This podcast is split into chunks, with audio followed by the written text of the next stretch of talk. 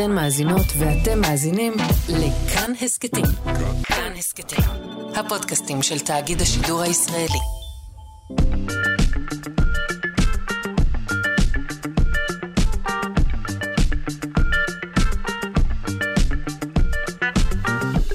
שלושה שיודעים.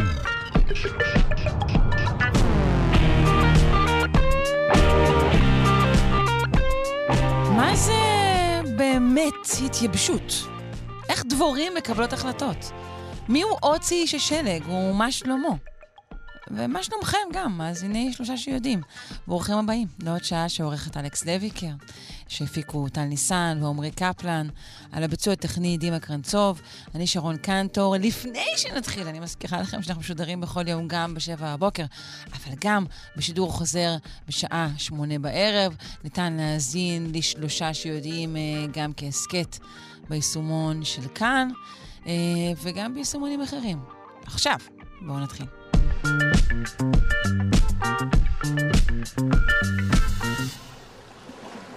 כן, גם אנחנו הקטנים לפעמים uh, מתקנאים בחדשות, בבאז הלוהט של uh, רשת ב', ולכן נדבר הבוקר על uh, חום ועל התייבשות. נפנה לדוקטור ארז גרטי, ראש תחום תקשורת המדע במכון דוידסון לחינוך מדעי. שלום. שלום, בוקר טוב. בוקר טוב. אז uh, ראש הממשלה, שעדיין uh, מאושפז, כך כרגע התבשרנו, uh, אמר על האזרחים אתמול, בשמש, בלי כובע, בלי מים, לא רעיון טוב. ורציתי לשאול אותך, האם זה אכן לא רעיון טוב? ומה בעצם קורה זה כשאנחנו... אכן לא רעיון טוב. לא רעיון טוב, יפה, צדק ראש הממשלה. מה קורה לנו בגוף כשאנחנו מתייבשים? אז הגוף שלנו מורכב ממים, מהרבה מים, בערך בין 55 ל-60 אחוז מים, זה, ולמים האלה יש תפקיד. אנחנו צריכים אותם בשביל שהגוף שלנו יעבוד, אנחנו נעזרים בהם כמנגנון קירור, ואם האחוז של המים יורד אה, מתחת ל- לרמה מסוימת, אז דברים מתחילים אה, קצת להשתבש. אוקיי, אבל איך הוא יורד? אנחנו- הוא מתאדה פשוט? מתאדה, פשוט מאוד. אנחנו מזיעים. מהזיעה? אה, המים, גם, גם מהזיעה, השתן, אה, באופן כללי, הם- המים אה, יכולים אה, להתנדף מאיתנו. אה, וכשהאחוז יורד מתחת לרמה מסוימת, אז הגוף שלנו כבר מתחיל להיכנס, אה, מתחיל להיכנס לסטרס. אה, למשל, זה בא לידי ביטוי בזה שאנחנו צמאים. זה משהו שכולנו מכירים, וזה הדרך של הגוף שלנו להגיד, הלו, אני צריך מים, בואו תשתו. מה הגוף עושה? איך הוא מפצה על היעדר מים? אז דרך אחת שהוא מפצה זה להעלות את הדופת שלנו. שלנו. הנפח של המים יורד, הנפח של המים בדם שלנו גם אה, יורד, והגוף שלנו מעלה את הדופק בשביל, אה, בשביל לפצות על זה. אנחנו מרגישים לפעמים גם את התופעה הזאת של כאב ראש, ש... נכון. למה כאב לא ראש? לגמרי ידוע למה זה, לא ידוע לגמרי למה זה, אבל אחת ההשערות זה שבגלל שאחוז המים גם בראש שלנו אה, יורד, אה, זה גורם להפעלה של אה, קולטני כאב אה, בחלק הפנימי של הגולגולת שלנו, ו... וזה גם איזושהי אינדיקציה בשבילנו ש... שאנחנו במצב לא טוב ושצריך לשתות. אה, דבר נוסף, במצבים כבר יותר קיצוניים, אנחנו מתחילים להרגיש סחרחורת, אנחנו מתחילים להרגיש אה, איזשהו ערפול. ואני חושב שהאינדיקציה הטובה ביותר זה השתן. אה, כמו שהגננת שלי הייתה אומרת, כשהפיפי צהוב זה לא טוב, כשהפיפי שקוף, אתה אלוף. וואו, איזה מים- משפט, איזו כן. גננת. לא מכירה את המשפט. איזו גן... גן חובה. אה, זה, זה משפט שמאוד קליט ומאוד נכון. כשאנחנו שותים הרבה מים, אז העודפים אה, יוצאים לשתן, מוהלים את השתנן ואת כל החומרים שאנחנו מפרישים, ואז גם הצבע הוא נהיה יותר בהיר. כשאנחנו לא שותים מספיק מים, הגוף לא יוציא החוצה אה, יותר מדי מים, כי הוא רוצה לשמור את המים בפנים, והחומרים שמופרשים הם אה, נהיים יותר מרוכזים, וגם הצבע בהתאם. רגע, יש לי ש- השתן- שאלה שאני עוצרת לשאול אותך. תגיד, אלוף, כן. אפשר גם לשתות יותר מדי מים? אפשר לשתות יותר מדי מים, אה, כאילו, עדיף שלא, אבל זה, אוקיי. יש דבר כזה לשתות יותר מדי מים. אה, מדובר על הרבה ליטרים, על משהו כמו, לא יודע, חמישה ליטרים, משהו כזה. אוקיי. וכששותים יותר מדי מים, אז אנחנו עושים את האפקט הפוך של למהול את, ה, את, ה, את, ה, את הדם שלנו, את נוזלי הגוף שלנו, וזה יכול, יכולות להיות לזה השלכות אחרות. כן, בהחלט. אוקיי. ו- אז- כן, סליחה, תמשיך. אז זהו, אז כשאנחנו מתייבשים, הגוף, של, הגוף שלנו נכנס, אה, נכנס לסטרס, הוא מאותת לנו על זה, אבל במצבים קיצוניים זה יכול להגיע גם למצב של, של בית חולים ואפילו יותר גרוע מזה. והדרך הכי טובה לטפל בהתייבשות זה פשוט לשתות, או להכניס לנו נוזלים לגוף דרך עירוי או בדרכים כאלה. וכמובן גם לא מרגיזים... לזוז הרבה, נכון? לשבת בצל, לא להמשיך את ההליכה נכון, איפה שתכננו. לנו... ודאי, עדיף לשבת במקום שהוא פחות חם, ואז הגוף שלנו ישקיע פחות מאמץ ב- בלהתקרר, ועדיף אה, לנוח, וגם אז הגוף שלנו ייצר פחות חום ויעדה פחות מים. זה נכון, דרך אגב, לא רק להתייבשות, גם לעומס חום, שעוד שנייה נדבר על זה, אבל אה, לשתות, לשתות, לשתות, לשתות, זה הדרך הכי טובה. ובניגוד למה שהרבה אנשים חושבים, אחד הגורמים הנפוצים להתייבשות זה לא בגלל שלא שתינו ולא בגלל שהאזנו והיינו יותר מדי בחום, אלא דווקא במצב שהיינו חולים והכינו או שלשלנו, ואז הנוזלים יוצאים החוצה ואנחנו לא מצליחים אה, להחזיר אותם בקצב שהם, אה, שהם יצאו. במקרים כאלה הם לא מצליחים לשתות, אז, אה, אז עירוי זה הפתרון. כן. תגיד, אני, אני רוצה לשאול על חום. נגיד, הרי עם חום טבעי של מחלה, הגוף שלנו יודע להתמודד.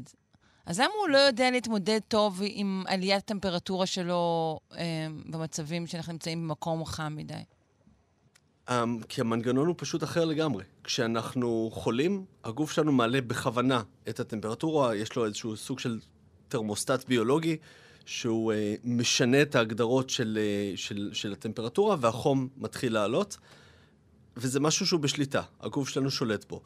כשאנחנו נמצאים במצב של עומס חום, שאנחנו עשינו פעילות גופנית מאומצת בחוץ, או, או סתם נמצאים ב... אתמול בנגב, אז הטמפרטורה של הגוף עולה, הגוף לא מצליח להוריד את החום בדרכים הטבעיות שלו, וזה לא משהו שהוא נשלט, זה לא משהו שהגוף שלנו יודע לטפל בו, בגלל זה כש, כשיש לנו מצב של, של עומס חום בגוף, אנחנו כשיש לנו מכת חום, אנחנו לא מסו... אם ניקח אקמול או, או אדוויל או אחד מהמשככי כאבים שגם מורידים חום, זה לא יעזור. כי החום לא מגיע בגלל המנגנון הזה של הגוף. כן, כדור הארץ צריך לקחת האדוויל, אוקיי.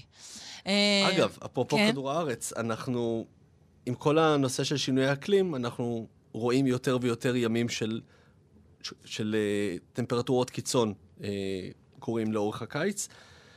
אנחנו כל פעם שוברים שיא חדש, כל פעם uh, של היום החם ביותר בעשור, מאה שנה, היסטוריה נמדדת או וואטאבר, אבל נוצרים מצבים ששיא כזה נשבר, ואז למחרת הוא נשבר עוד פעם. אוי ואבוי. אז זה לא, זה לא הולך לשום מקום. זה מלחיץ עכשיו, אותי. מבחינת עומס חום, כן. אני, בטח כאילו, בטח שמעת בתחזית שמשתמשים בביטוי הזה עומס חום. אפילו, אפילו למעשה שלו... היום אמרו עומס חום כבד עד קיצוני. נכון, נכון, עומס חום כבד קיצוני. המשמעות של זה זה לא בהכרח שהטמפרטורה גבוהה בצורה קיצונית, אלא שהתנאים לקירור שלנו הם, אה, הם, הם אה, קשים יותר. מה זאת אומרת? הצורה, שמודד, הצורה שמודדים את זה שלוקחים מדחום יבש, לוקחים מדחום רטוב, מודדים עם שניהם את הטמפרטורה ועושים ממוצע. מדחום שהוא רטוב, המים מתנדפים ממנו והם סוחבים איתם את הקור, כמו הזעה, סוחבים ממנו את, את החום ו, ואז הוא, הוא מתקרר בצורה יותר טובה, הוא מודד טמפרטורה שיותר נמוכה. אבל במצב נניח שיש לנו לחות גבוהה באוויר, הטמפרטורה שהמדחום... המים יותר קשה להם uh, להתאדות, ואז הם סוחבים פחות חום, ואז הטמפרטורה בפועל uh, שנמדדת תהיה יותר גבוהה. אז יכול להיות מצב שהטמפרטורה בחוץ, שהחום האבסולוטי שנמדד אה, יהיה גבוה יותר, אבל העומס חום יהיה נמוך יותר בגלל שהלחות תהיה, תהיה נמוכה יותר. וואלה. אני חושב שסתם זאת דרך כזאת, אתה יודע, מפורקסת להגיד שחם מאוד. אז זה פשוט לא בדיוק אותו דבר. זה דרך להגיד כמה קשה יהיה לגוף שלנו לקרר את עצמו. אוקיי. בסדר גמור. Uh, השיחה הזו לא ציננה אותי במיוחד, uh, אבל... Uh... לא ציננה, אבל uh, לשתות הרבה, לשבת במזגן מי שיכול, uh, להיות, להשתדל להיות במקומות קרים ביום כזה. תודה רבה לך, דוקטור ארז גרטי, ראש תחום תקשורת המדע במכון דוידסון לחינוך מדעי. יום טוב. בוקר טוב.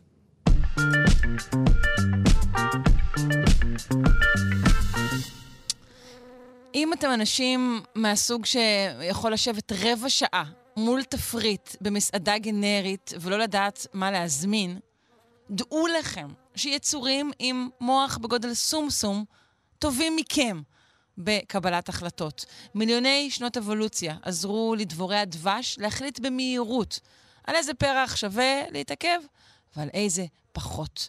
נשמע על כך מהפרופסור תמר קיסר, מהחוג לביולוגיה בקמפוס אורנים באוניברסיטת חיפה. שלום, בוקר טוב. בוקר אור.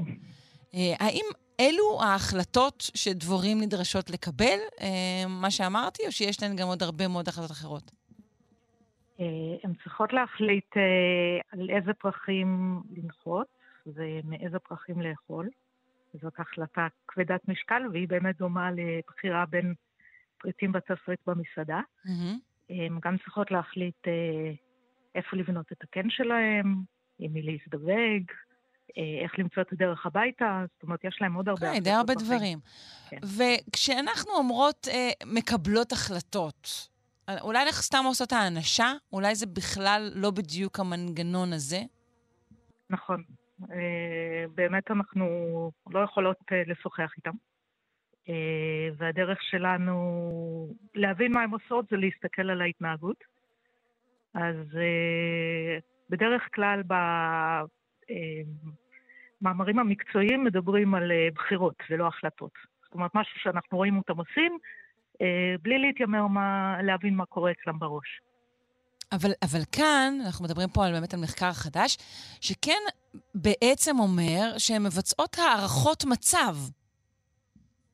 אה, כן, אז המחקר הזה אה, התחיל מלהסתכל על הבחירות שלהם, על מה הן עושות, אה, ולא רק מה הם בחרו, אלא כמה זמן לקח להם לבחור. ואחרי זה, מתוך התצפיות האלה בהתנהגות, הם בעצם בנו מודל שמנסה לייצר מוח מאוד פשוט, שמסוגל לקבל את אותן החלטות שה... שהם צפו בדבורים בניסויים. אז שוב, לא יכלו לראיין אותם, לא יכלו לשאול אותם מה הם כן. חושבות, כן. אבל כן יכלו אה, לבנות מודל אה, אה, מתמטי שמתנהג דומה. וכן, שוב, שהוא... שמו לב שיש איזה מין אזור של התחבטות, נקרא לו. כן, okay. אוקיי. אזור של התחבטות, שבעצם כשהבחירה היא מסובכת, אז גם יש יותר טעויות וגם לוקח יותר זמן לעשות את הבחירה. הצליחו לבנות את המוח הזה, את המרטונומי הזה? אה, אז זה מעניין, אה, החוקרים אה, שעשו את המחקר בעצם באו מ... הרקע שלהם הוא במחקר בסיסי, בהתנהגות, באקדמיה, אבל עכשיו הם נמצאים באיזושהי חברה שבונה רובוטים קטנים ואוטונומיים ומנסה לייצר להם סוג של מוח מאוד פשוט, כמו המוח של החרקים, כדי שיתפקדו יותר טוב. אוקיי, טוב, מעניין כן. לאיפה זה ילך. תגידי, מה, מה נגיד ראו שהיה הבדל, אה, נגיד, בזמנים של ההחלטות של הדבורים? והאם יודעים מה השפיע על זה? אה, אז אה, מה שהם עשו, אה, זה קודם כל, אה, אימנו אותם אה, לזהות אה, חמישה סוגים של פרחים לפי הצבע שלהם. כשאנחנו אומרים פרחים, אז זה לא פרחים אמיתיים, אלא חתיכות פלסטיק צבעוניות שהם קוראים להם פרחים אה, מלאכותיים. וחלק מהפרחים האלה אה, אה, נתנו מזון יותר טוב וחלק נתנו מזון פחות טוב, ולכל סוג של פרח מלאכותי היה צבע אחר. אז בעצם המשימה של הדבורים הייתה לקשר בין הצבע של הפרח המלאכותי ובין כמות המזון אה, שהוא נותן. אחרי שמימנו אותם לזה, אה, נתנו להם כל מיני אה, מבחנים, שחלק מהמבחנים היו פשוטים, כמו בין הפרח הכי טוב והכי גרוע שהם אומנו עליו, הם נדרשו לבחור, וחלק מהמבחנים היו יותר מסובכים, כמו למשל לבחור בין פרח קצת יותר טוב וקצת פחות טוב שהם אומנו עליו, או uh, לבחור uh, בין צבעים שהם לא הצבעים שהם אומנו עליהם, אלא גווני ביניים. Mm, הם הצליחו? הם הצליחו, אבל כל פעם שהמשימה הסתבכה, ההחלטות לקחו להם יותר זמן. טוב, זה הגיוני, אם, אם אין להן את, ה, את האימון אה, ואת כל הנתונים בעצם, זה לא צבעים שהם התאמנו עליהם, בטח שזה לוקח יותר זמן. אה, נכון. גם לנו זה היה לוקח יותר זמן. נכון, וזה מה שהם אומרים בעצם, זה איזושהי אה, תכונה משותפת לקבלת ההחלטות שלנו ושלהם, רק אנחנו עושים את העיבוד מידע עם מוח עצום, ולהם יש מוח קטן ופשוט. אבל, אבל ניתן לטעון שבדברים מסוימים, כמו שאמרנו, הן גם מהירות יותר מאיתנו? אמ, לא יודעת. אמ, קשה לקבוע, את אומרת. קשה לקבוע, okay. אוקיי. כי למשל אצלם, אה, לקבל החלטה בניסוי זה לעוף ולנחות על אה, פרח. אה, ועצם התעופה לוקחת זמן, אז אפשר להגיד, הן מקבלות החלטה יותר לאט מאיתנו, אבל פשוט בניסוי אין את האפשרות אה, אה, לשאול אותם. תגידי, מה את מעדיפה? אולי אם היינו יכולים לשוחח איתם, אז הם היו עוד הרבה יותר מהירות. כן.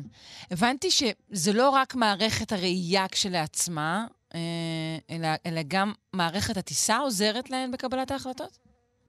כן. אז בעצם כל משך הטיסה, התעופה, הן קולטות אותות מהסביבה ומאבדות נתונים. למשל, הן יכולות אה, להעריך את הגודל של העצם שהן אה, טסות לכיוונו לפי השינוי בגודל אה, בזמן הטיסה. אם הן צריכות לעבור באיזה מקום צר, אז הן יכולות להעריך את הרוחב של המעבר ולחשב מראש האם הן עוברות שם או שהן צריכות לחפש דרך עוקפת. אז את כל המידע הזה הן מקבלות תוך כדי תעופה. ומה אם לקבל טיפים מחברות? זה גם כן קורה? למה? לקבל טיפים מחברות, מדבורים חברות. היי, בואי, הנה, פה, יש פרח טוב. כדאי לך. אה, כן, אז אה, שאלה מאוד מעניינת. אז אה, דבורי דבש עושות את זה ממש מצוין, ויש להם ממש התנהגות שנקראת ריקוד, שבה הן מספרות לחברות איפה נמצא האוכל, גם כיוון וגם מרחק. דבורים אחרות, יש להם דרכים קצת יותר פשוטות, כמו למשל להביא לכוורת אה, דוגמיות של אוכל, אה, אה. ולהסתובב בכוורת ולתת לחברות להריח. ואז. אה, טעימות, לא... אוקיי. בדיוק, uh-huh. טעימות. החברות לא יודעות בדיוק לאן לעוף, אבל הן כן יודעות מה לחפש. יש עוד דבורים שפשוט משאירות סימני ריח על הפרחים שהם ביקרו אותם.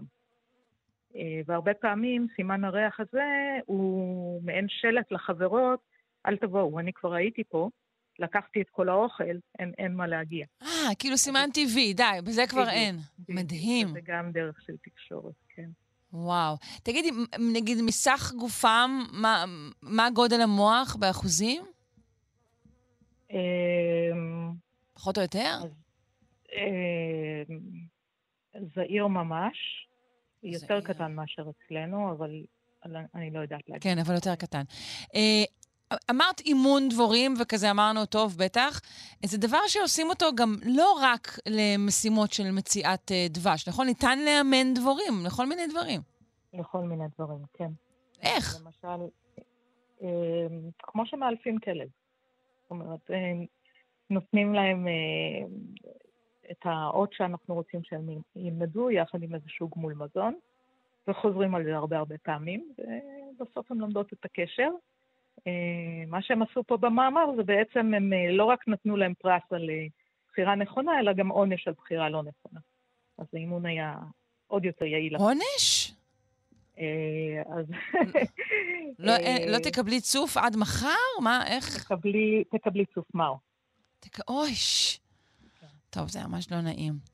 כן. מה אנחנו, לסיכום, מה אנחנו יכולות לומר שוב, דיברנו הרי שכל המחקר הזה הוא בעצם נעשה, תקני אותי אם אני טועה, כדי לפתח אה, מוח פרימיטיבי כזה שישמש אה, רובוטים, נכון? נכון. האם המוח הזה הוא בעצם יהיה, אפשר להגיד, בעל קוגניציה? זאת אומרת, יש לו תודעה למוח הקטן הזה? אה, אז אה, שאלה מאוד חמה בעולם של חוקרי החרקים. אמ, ויש אה, כמה מעבדות, באחת הייתי בשבתון אה, לפני שנתיים, שבעצם שמו להם למטרה אה, לבדוק את העניין הזה, ואפיינו כל מיני דברים שקשורים, שבבני אדם אומרים שהם סימן לקוגניציה. למשל, לשחק, למשל, לחוש כאב, כל מיני דברים כאלה, והם פשוט עוברים על המשימות האלה. אחת-אחת עם דבורים ובוחנים אותם ורואים אם אפשר אה, למצוא איזה שהם רמזים שהן באמת מסוגלות ליכולות האלה.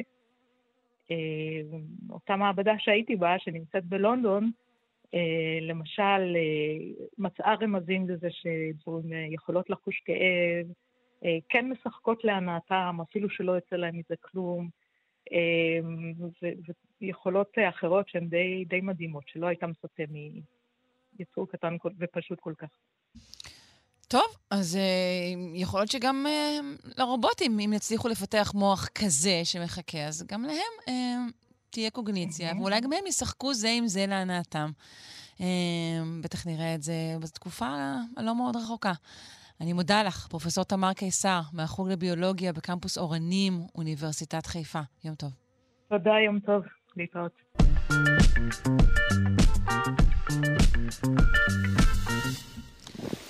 הכירו את אה, אוצי, איש השלג. אוצי הוא למעשה גופה, בת 5,000 שנים, אבל uh, זה לא מונע מאיתנו לרצות להכיר אותו טוב יותר. שלום לדוקטור אלון ברש, מומחה לאנטומיה ואבולוציה של האדם מהפקולטה לרפואה שם עזריאלי באוניברסיטת בר אילן. שלום. שלום, בוקר טוב. אז אה, מי היה אה, אוצי, או עודנו בעצם? עודנו. הוא, כמו שקורה מדי פעם, אה, הוא התגלה במקרה. אה, מטפסי ערים שהסתובבו בחבל טירול, על, על הגבול שבין איטליה ואוסטריה, נתקלו בו.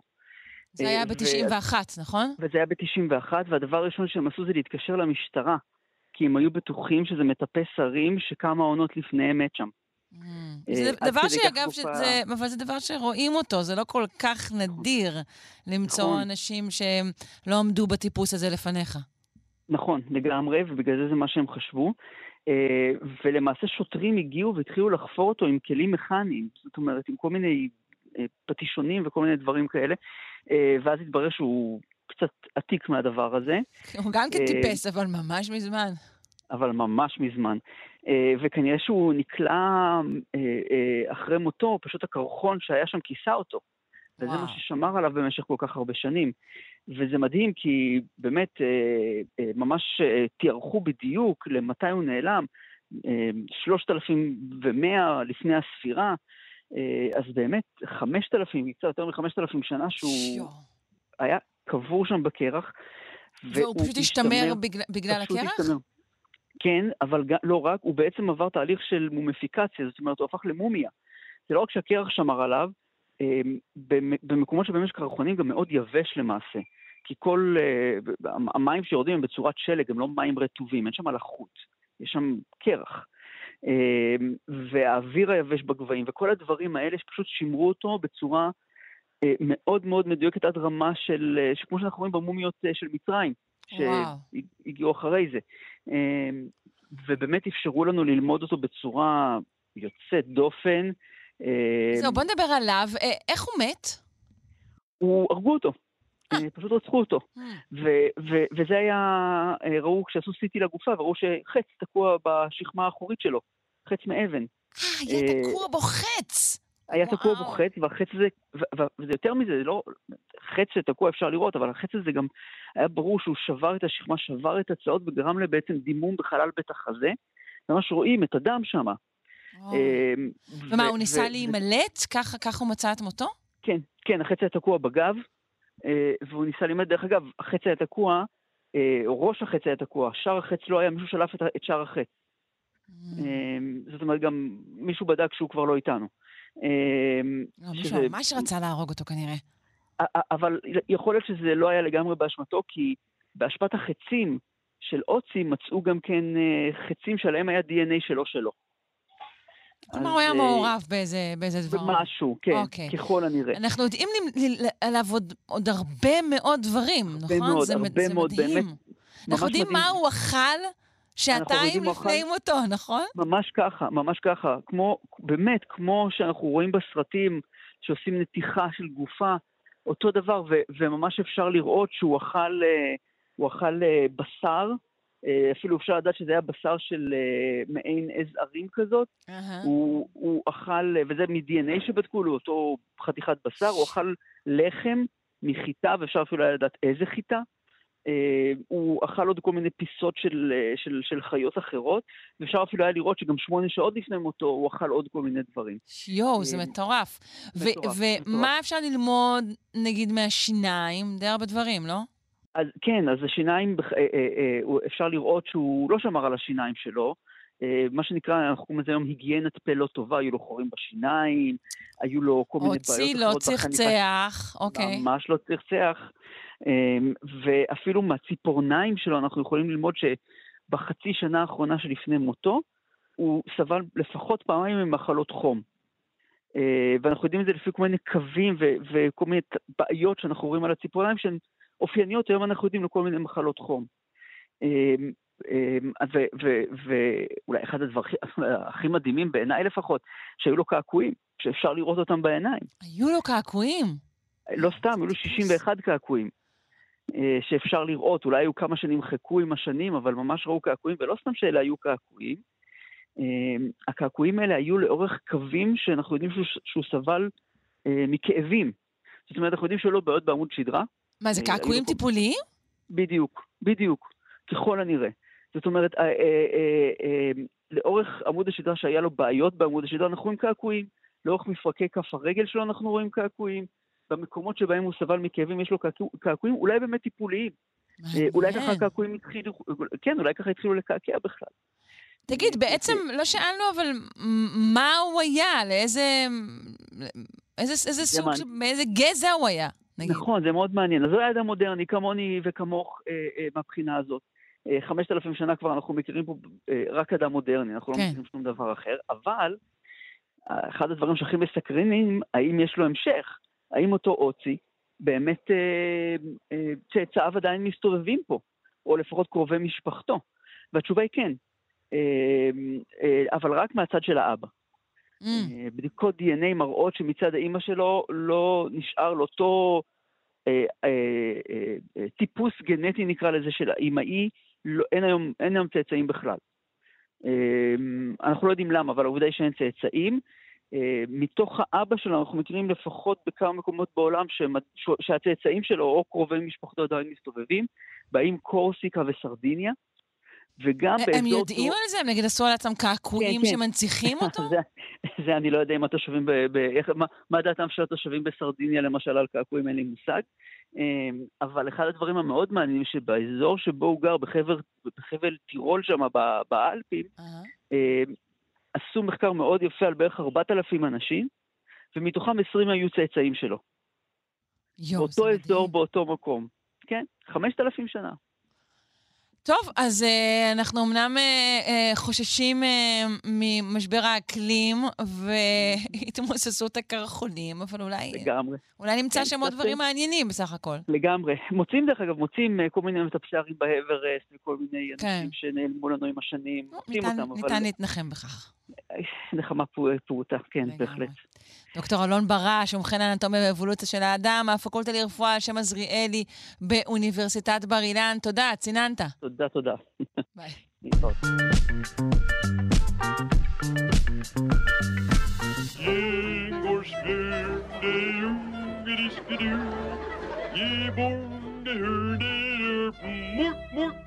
אנחנו עם תולדות התזונה האנושית של הדוקטור אורי מאיר צ'יזיק, מומחה להיסטוריה של התזונה והרפואה. שלום. בוקר טוב. בוקר אור. אה, על מה נדבר הבוקר? אז בעצם אה, אנחנו בשלב אה, שנקרא מהפכת מוצרי המשנה, שדיברנו בו על חלב. Mm, נכון. ועד היום הספקנו לדבר גם על הסוכר של החלב שהוא הלקטוז, וגם בשבוע שעבר על החלבון של החלב. ונשאר לנו, מתוך הרכיבים הבסיסיים של החלב, לדבר על השומן של החלב. הקרם דה לה קרם של החלב. בדיוק. היום נדבר על...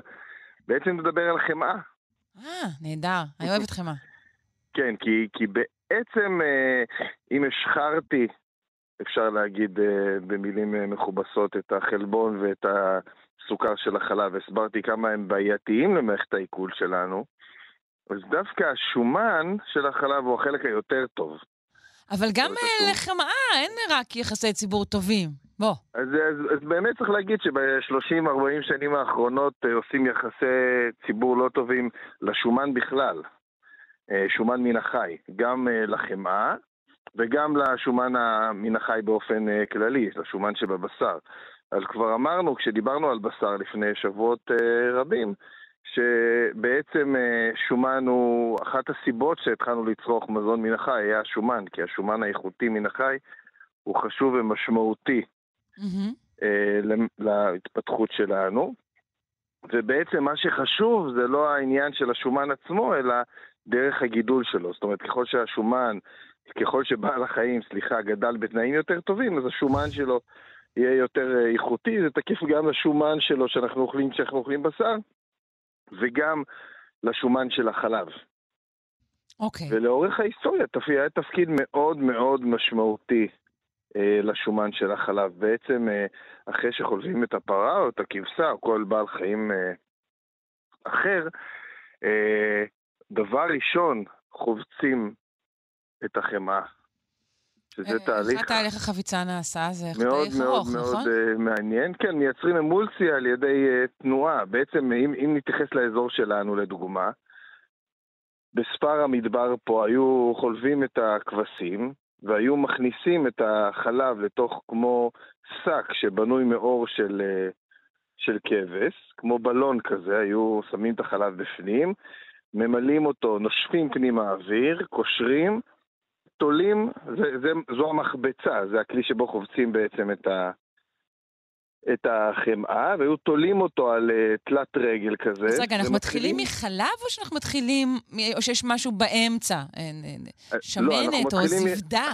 לא, לא, לא, אנחנו מתחילים מחלב ממש. אוקיי. בעצם לחלב, הדבר הראשון שהיו עושים, עוד לפני שהיו מפסטרים לאורך ההיסטוריה וכולי, היו חולבים את הכבשים, שמים, מכניסים את החלב לכדי חרס, נותנים להם קצת ליצוס, לחלב נותנים קצת ליצוס איזה 48 שעות בתוך הכדי חרס באופן טבעי, ואז מעבירים את החלב למחבצה, לבלון הזה, ומתחילים לנער שעה, שעתיים, שלוש.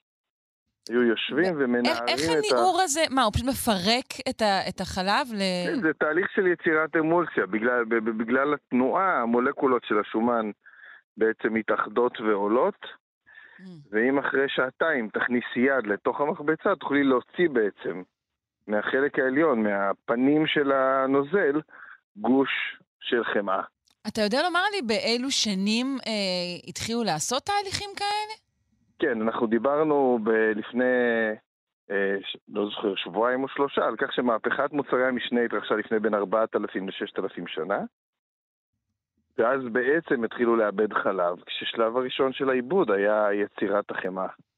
כלומר, ישר אבל- הבינו, היי, אנחנו צריכים להפיק את, ה, כן. את, ה, את הבסט כאן מהחלב הזה, את השומן. בעצם גם להפיק את החלק, את המרכיב המשמעותי בתוך ה... בת- מתוך החלב זה השומן, וגם זה מאריך את חיי המדף. חמאה נשמרת יותר מאשר חלב, Mm. יותר זמן, כי יש בה בעיקר שומן והוא פחות מתקלקל, אבל גם החמאה, שזה מדהים, כדי להפוך אותה לבעלת חיי מדף עוד יותר ארוכים, היו מכינים ממנה חמאה מזוקקת. מה. ההבדל בין חמאה לחמאה מזוקקת? אז הסיפור הוא פשוט, ברגע שחמאה, ברגע שחובצים אותה ומוציאים אותה, יש בה עדיין מעבר לשומן גם קצת נוזלים, וגם חלבון, וגם סוכר, מה שמקצר את חיי המדף שלה. ובעצם אנחנו רוצים שיהיה בה רק שומן. אז מה שהיו עושים, היו לוקחים את החמאה, ומחממים אותה על חום מאוד נמוך, ככה שהנוזלים שנשארו בה היו מתאדים, החלבונים היו צפים, והסוכרים היו שוקעים. ואז היה אפשר להוציא רק את השומן. ולשומן כלומר, הזה יש חיי להשאיר מדף. את הסוכרים שם בת- בתחתית הסיר, או מה שזה לא יהיה, כן. ולשפוך את השאר? בדיוק, ולקפות את החלבונים, ואז Mm. לשפוך את מה שבאמצע. אה, אוקיי. ואז היה נוצר שומן שהוא נקי כמעט לגמרי, וזה שומן שחיי המדף שלו הם הרבה יותר, מאוד מאוד ארוכים, והוא מאוד משמעותי. אנחנו מכירים את הגי כן.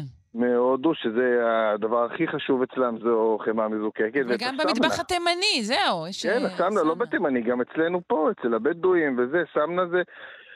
תראי, אחד הדברים המדהימים על סמנה, שזה ביהדות, ביהדות תימן, לאורך ההיסטוריה, לא כיום, סמנה הייתה נחשבת אה, פרווה. Mm, היא לא הייתה נחשבת אה, חלבית. כן. כי הייתה כל כך משמעותית בבישול, שבעצם הכשירו אותה כדי שיהיה אפשר להשתמש בה בבישול של אה, בשר. אולי, וגם אולי, אתה יודע, מדהים. בלי הסוכר, בלי החלבון, אולי יש שם איזשהו, נכון, נכון, איזשהו לא, ט- זה- טיעון אה, הלכתי כלשהו. יש טיעון לא- לא הלכתי שהיום בזה. לא עובד לצערנו, אבל הוא כן. טיעון אה, משמעותי. דרך אגב, מאוד קל להכין סמנה בבית. צריך רק חמאה איכותית, כזאת שבאה מבעל חיים שגדל בתנאים טובים והפיקו אותה בצורה יחסית טבעית, מהמם. ולקחת את החמאה, לשים בסיר קטן, זה אפילו ניסוי טוב לעשות בבית עם הילדים. לקחת, ומה שאמרת, לחמם לאורך זמן, נמוך. ואז לקפות. חום ו- מאוד נמוך לאורך זמן, רואים ממש, רואים את החלבונים צפים ואת הסוכרים שוקים. אני ואז גם היו מוסיפים לזה טעמים, היו מוסיפים, ב... היו מוסיפים חילבה לסמנה. הסמנה הייתה שומן מאוד מאוד משמעותי בבישול. והיא גם ברחבי העולם. נשמרת במשך חודשים, נכון? כן, נשמרת במשך חודשים ואפילו יותר. ברגע שעושים אותה כמו שצריך, יש לה בעצם חיי מדף מאוד מאוד אה, ארוכים, וזה היתרון שלה. אה, לא רק, יש לה גם יתרון תזונתי. כמובן, כמובן, זה שומן שהוא מאוד איכותי, כמובן, כמו שאנחנו אומרים, זה גם תלוי בבעל החיים, זאת אומרת, באיך גדל בעל החיים. זאת אומרת, לא מספיק רק ל- לעשות סמנה מחמאה, צריך גם שהחמאה תהיה חמאה איכותית. אוקיי, אז לסיכום, לגבי חמאה, האם אתה אה, אומר ששמה הרע אינו מוצדק או שהוא מוצדק? אני, אני בהחלט אומר ששמה הרע של החמאה אינו מוצדק, ואני בהחלט אומר שהיא טובה לנו, ואני, אבל אני חוזר ואומר, שכמו בכל מזון בעצם, שאני אומר שמקור מקור טוב, מקור טוב, איכותי, ואם אפשר גם לזקק ולשבח, על אחת כמה וכמה. בדיוק, בדיוק. בסדר גמור, אני מודה לך מאוד. דוקטור אורי מאיר. צ'יזיק, מומחה להיסטוריה של התזונה והרפואה. יום טוב. להתראות.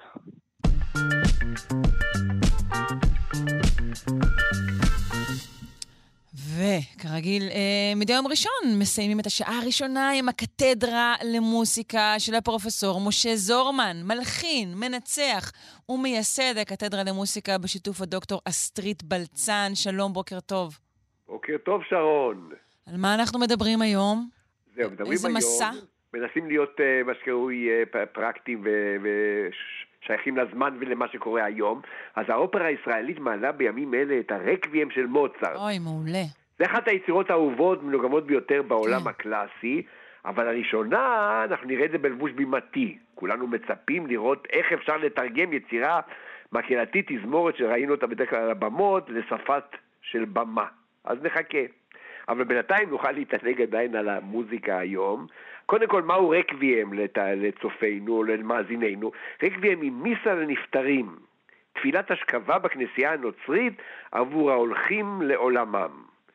הטקסט של המיסה התקבע כבר בימי הביניים והפך להיות אבן דרך ואתגר להרבה מאוד מלחינים בתקופות השונות. יש לנו רקבימים של ברמס, ורדי, פורה, וכמובן... אבל לא כל מי שמת מקבל כאילו רקבים פרטי. לא, לא, לא, צריך להיות בעל מעמד מסוים כמובן. כן, זהו, וכבר היצירה הפכה להיות יותר ויותר גדולה וכבר לא מתאימה לנגינה בכנסייה, אז מנגנים אותה כבר באולם קונצרטים, זה הפך להיות סיפור גדול. עכשיו, האהוב מכולם אולי והמרגש ביותר הוא הרקבים של מוצרט, על מנגינותיו הנפלאות, היכולת שלו לתאר בצלילים את הרגשות האנושיים העמוקים ביותר, מלחין של במה. כן. כבר לא, כבר לא כותבים, גם לא לאנשים גדולים, כבר לא כותבים להם רקביימים במיוחד. אה, יכול להיות שצריך להחזיר את המנהג הזה. בסדר, אנחנו נדבר עם השלטונות תדבר עם האחראים, בסדר? כן. כמובן, מאז הסרט עמדאוס מכירים כולם את האניגמה של הזמנת הרקבים, מי הוא אותה דמות מסתורית שהזמינה את היצירה כשמסכה מכסה את פניה ושילמה על זה למוצרט כמובן. היצירה שהפכה בסופו של דבר לתפילת השכבה למוצרט עצמו, שלא הספיק לסיים אותה, כן. ורק אחר כך אשתו דאגה לסיום על ידי אחד מ... מתלמידיו. סיפור מרתק שאני לא יודע אם יש לנו זמן להיכנס אנחנו גם לתוכו. נגענו בו בשעתו. אנחנו היום בעצם רוצים אבל להתרכז בכל מיני רקביימים. ו- רקביימים, כן. בדיוק, של טעויות. אז המנגינה אולי המפורסמת ביותר מתוך הרקביים של מוצרט הוא קטע לקרימוזה, לקרימוזה הדמעה. הקטע האחרון שמוצרט כתב ואשר נשמר בכתב ידו. יום הדמע זה יגיע, קם מעפר ויופיע, החוטא לקראת דינו, אל מחל לו וחננו. והתזמורת מתחילה באיזה צף שפע של מנגינות שכולן הנחה אחת גדולה. אוי ויי, אוי ויי.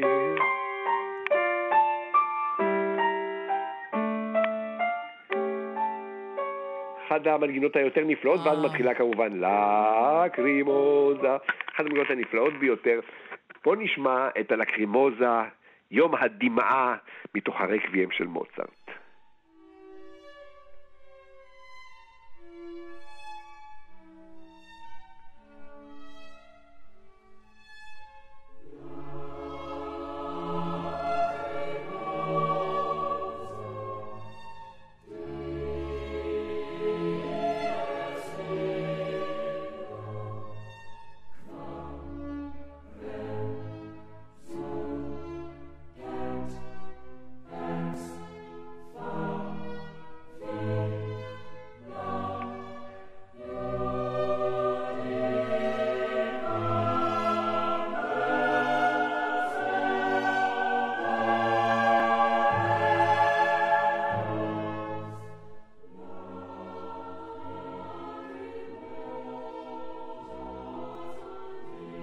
שו, זה כל כך יפה. משהו, אה? כן. נפלא. אבל זה הקטע העדין הזה, הדמעה הזאת המאוד מאוד עדינה. אבל מה קורה, איך מצלצל אצל מוצרט יום הדין הגדול? היום שבו יעמוד אדם מול בוראו וייתן את הדין על מעשיו. אוי. מה שקרוי דיאס אירה, היום ההוא, יום הזעם, השואה והצרה, יום גדול ומר הוא, את יבוא האל לשפוט את כל העולם. כן, אז אה, לפני זה היינו ברחמים, החל לו, אבל עכשיו אה, מי. שרשע, שייזהר. מה שקרוי יום הדין של המשפט הגדול שלנו.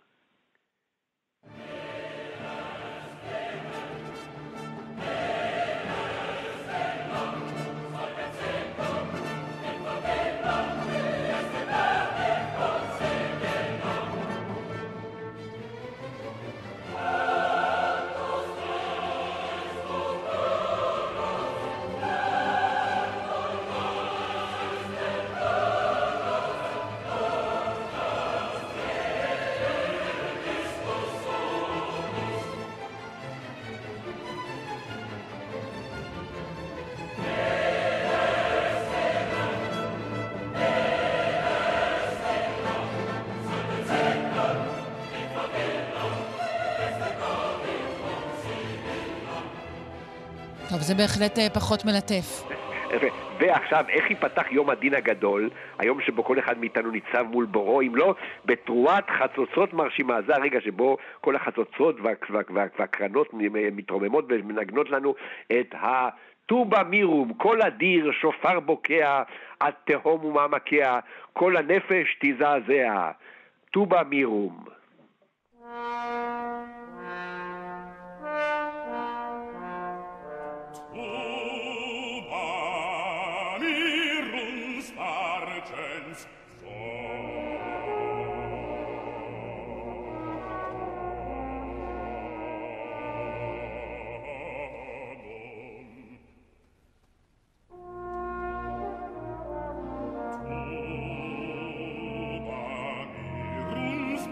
return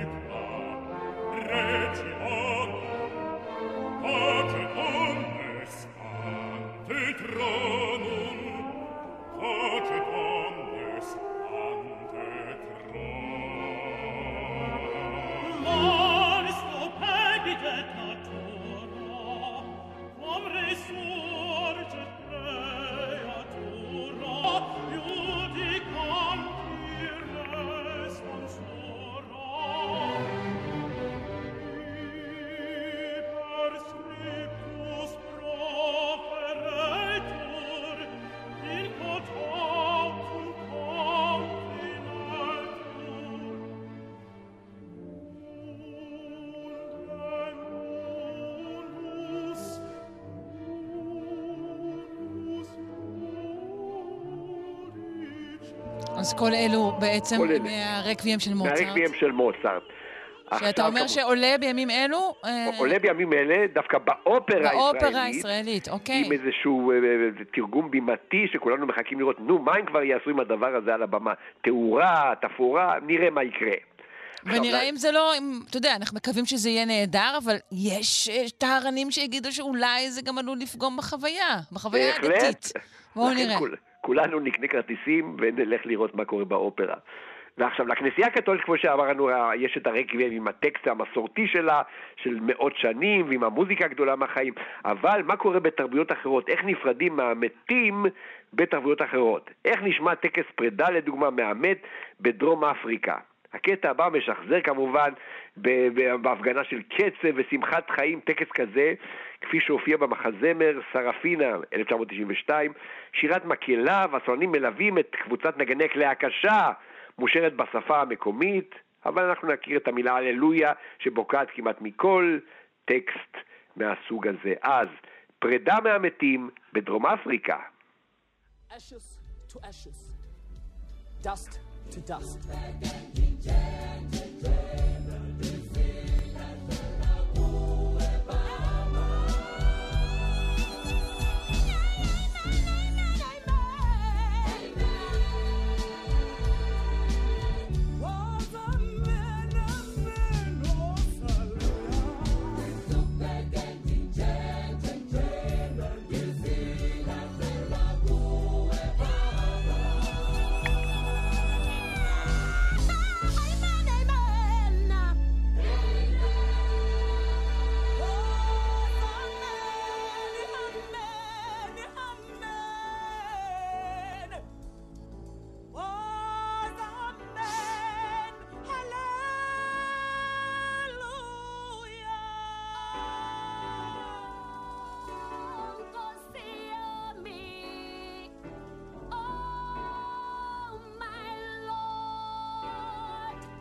ובחזקת היה טוב וטוב שהיה.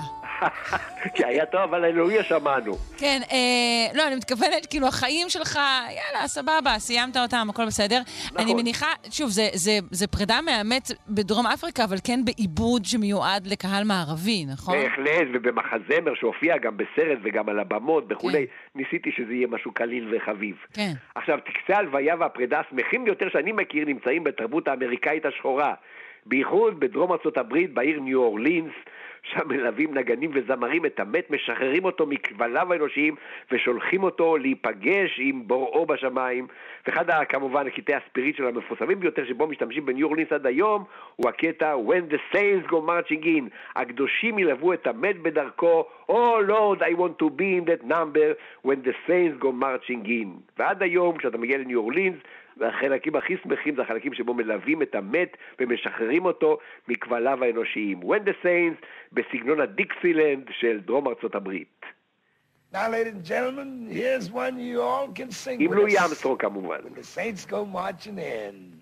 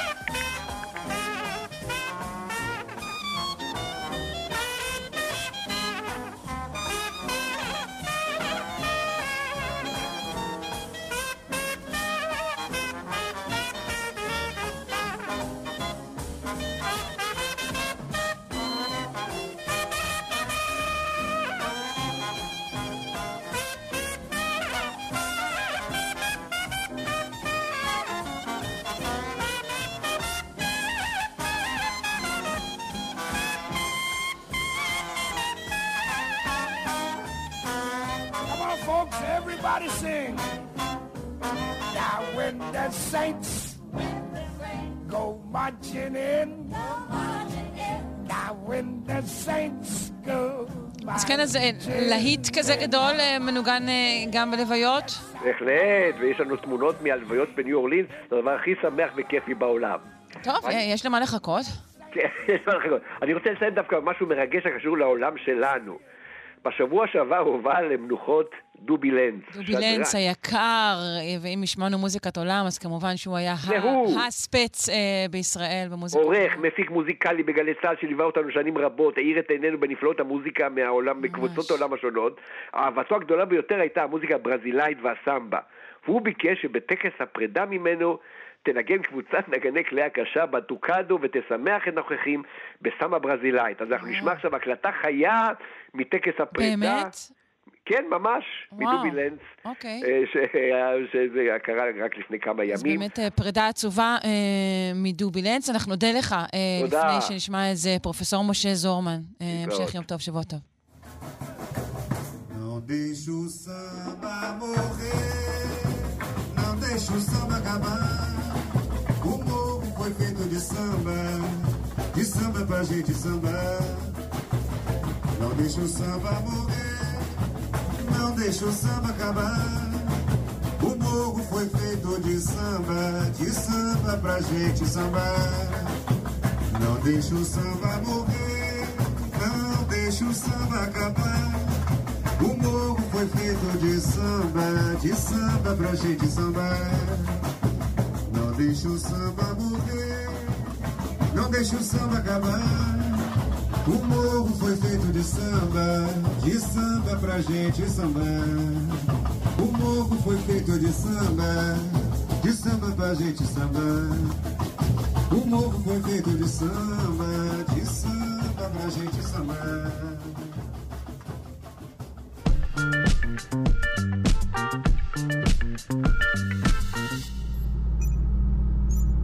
אנחנו עם מחקר חדש ומרתק, שמראה שילדים שמוגדרים היום כבעלי איחור התפתחותי, בעצם מתחילים את חייהם דווקא בהאצה התפתחותית.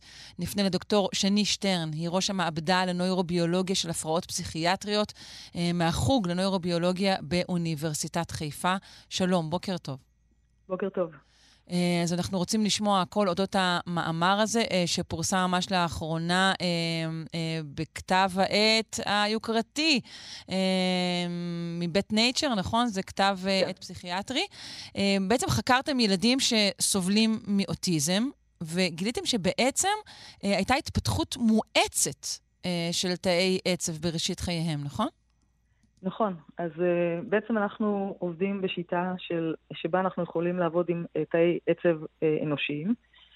Uh, הרבה מהמוטציות האלה, קודם כל אוטיזם הוא, הוא, הוא הפרעה התפתחותית שקורית ממש בשלבים הראשונים של החיים, uh, ואפשר לחלק את זה בערך 85-15 אחוז, זאת אומרת 15 אחוז מהמקרים אנחנו מזהים איזושהי מוטציה שגורמת, ו-85 אחוז אנחנו קוראים להם ספורדיים, אנחנו לא יודעים מה הסיבה.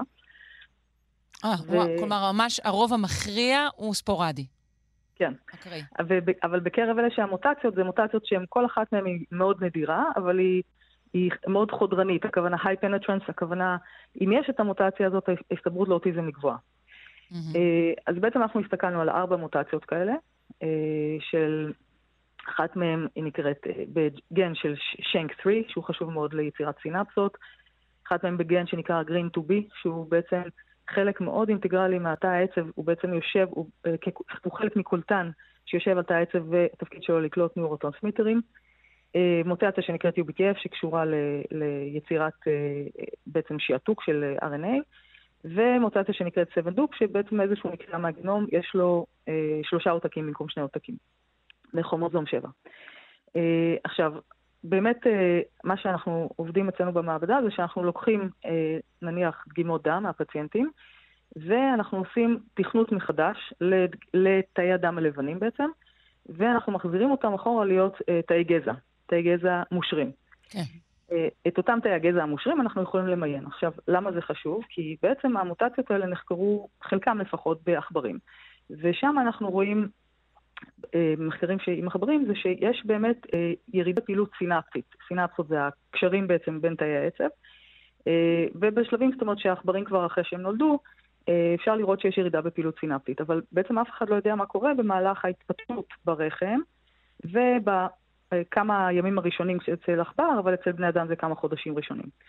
אה, אז האפשרות למיין מתאי גזע מושרים, זאת אומרת האפשרות להחזיר את התאים אחורה להיות תאי גזע מושרים ואחר כך למיין אותם, בעצם אנחנו עוברים את כל שלבי ההתפתחות.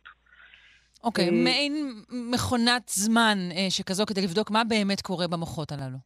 בדיוק. Okay. אוקיי. ואז באמת מה שהופתענו לגלות, עכשיו השיטה שאנחנו עובדים זה שאנחנו ממיינים את התאים ואנחנו בודקים אותם בכל מיני שלבים. אה, ואנחנו לא ציפינו, זאת אומרת שבשלבים הראשונים, אנחנו ציפינו שבאמת בשלבים הקצת יותר מאוחרים אנחנו נראה ירידה בפעילות סינפטית כמו שרואים בעכברים. אבל למעשה התחלנו לבדוק אותם, אנחנו עובדים בשיטות אה, של אלקטרופיזיולוגיה, שבהם אנחנו יכולים למדוד מתאים בודדים אה, זרמים ומתחים. אז בעצם אנחנו במהלך ההתפתחות התחלנו לדגום את התאים, ומה שראינו זה שיש משהו שהוא משותף לכל ה...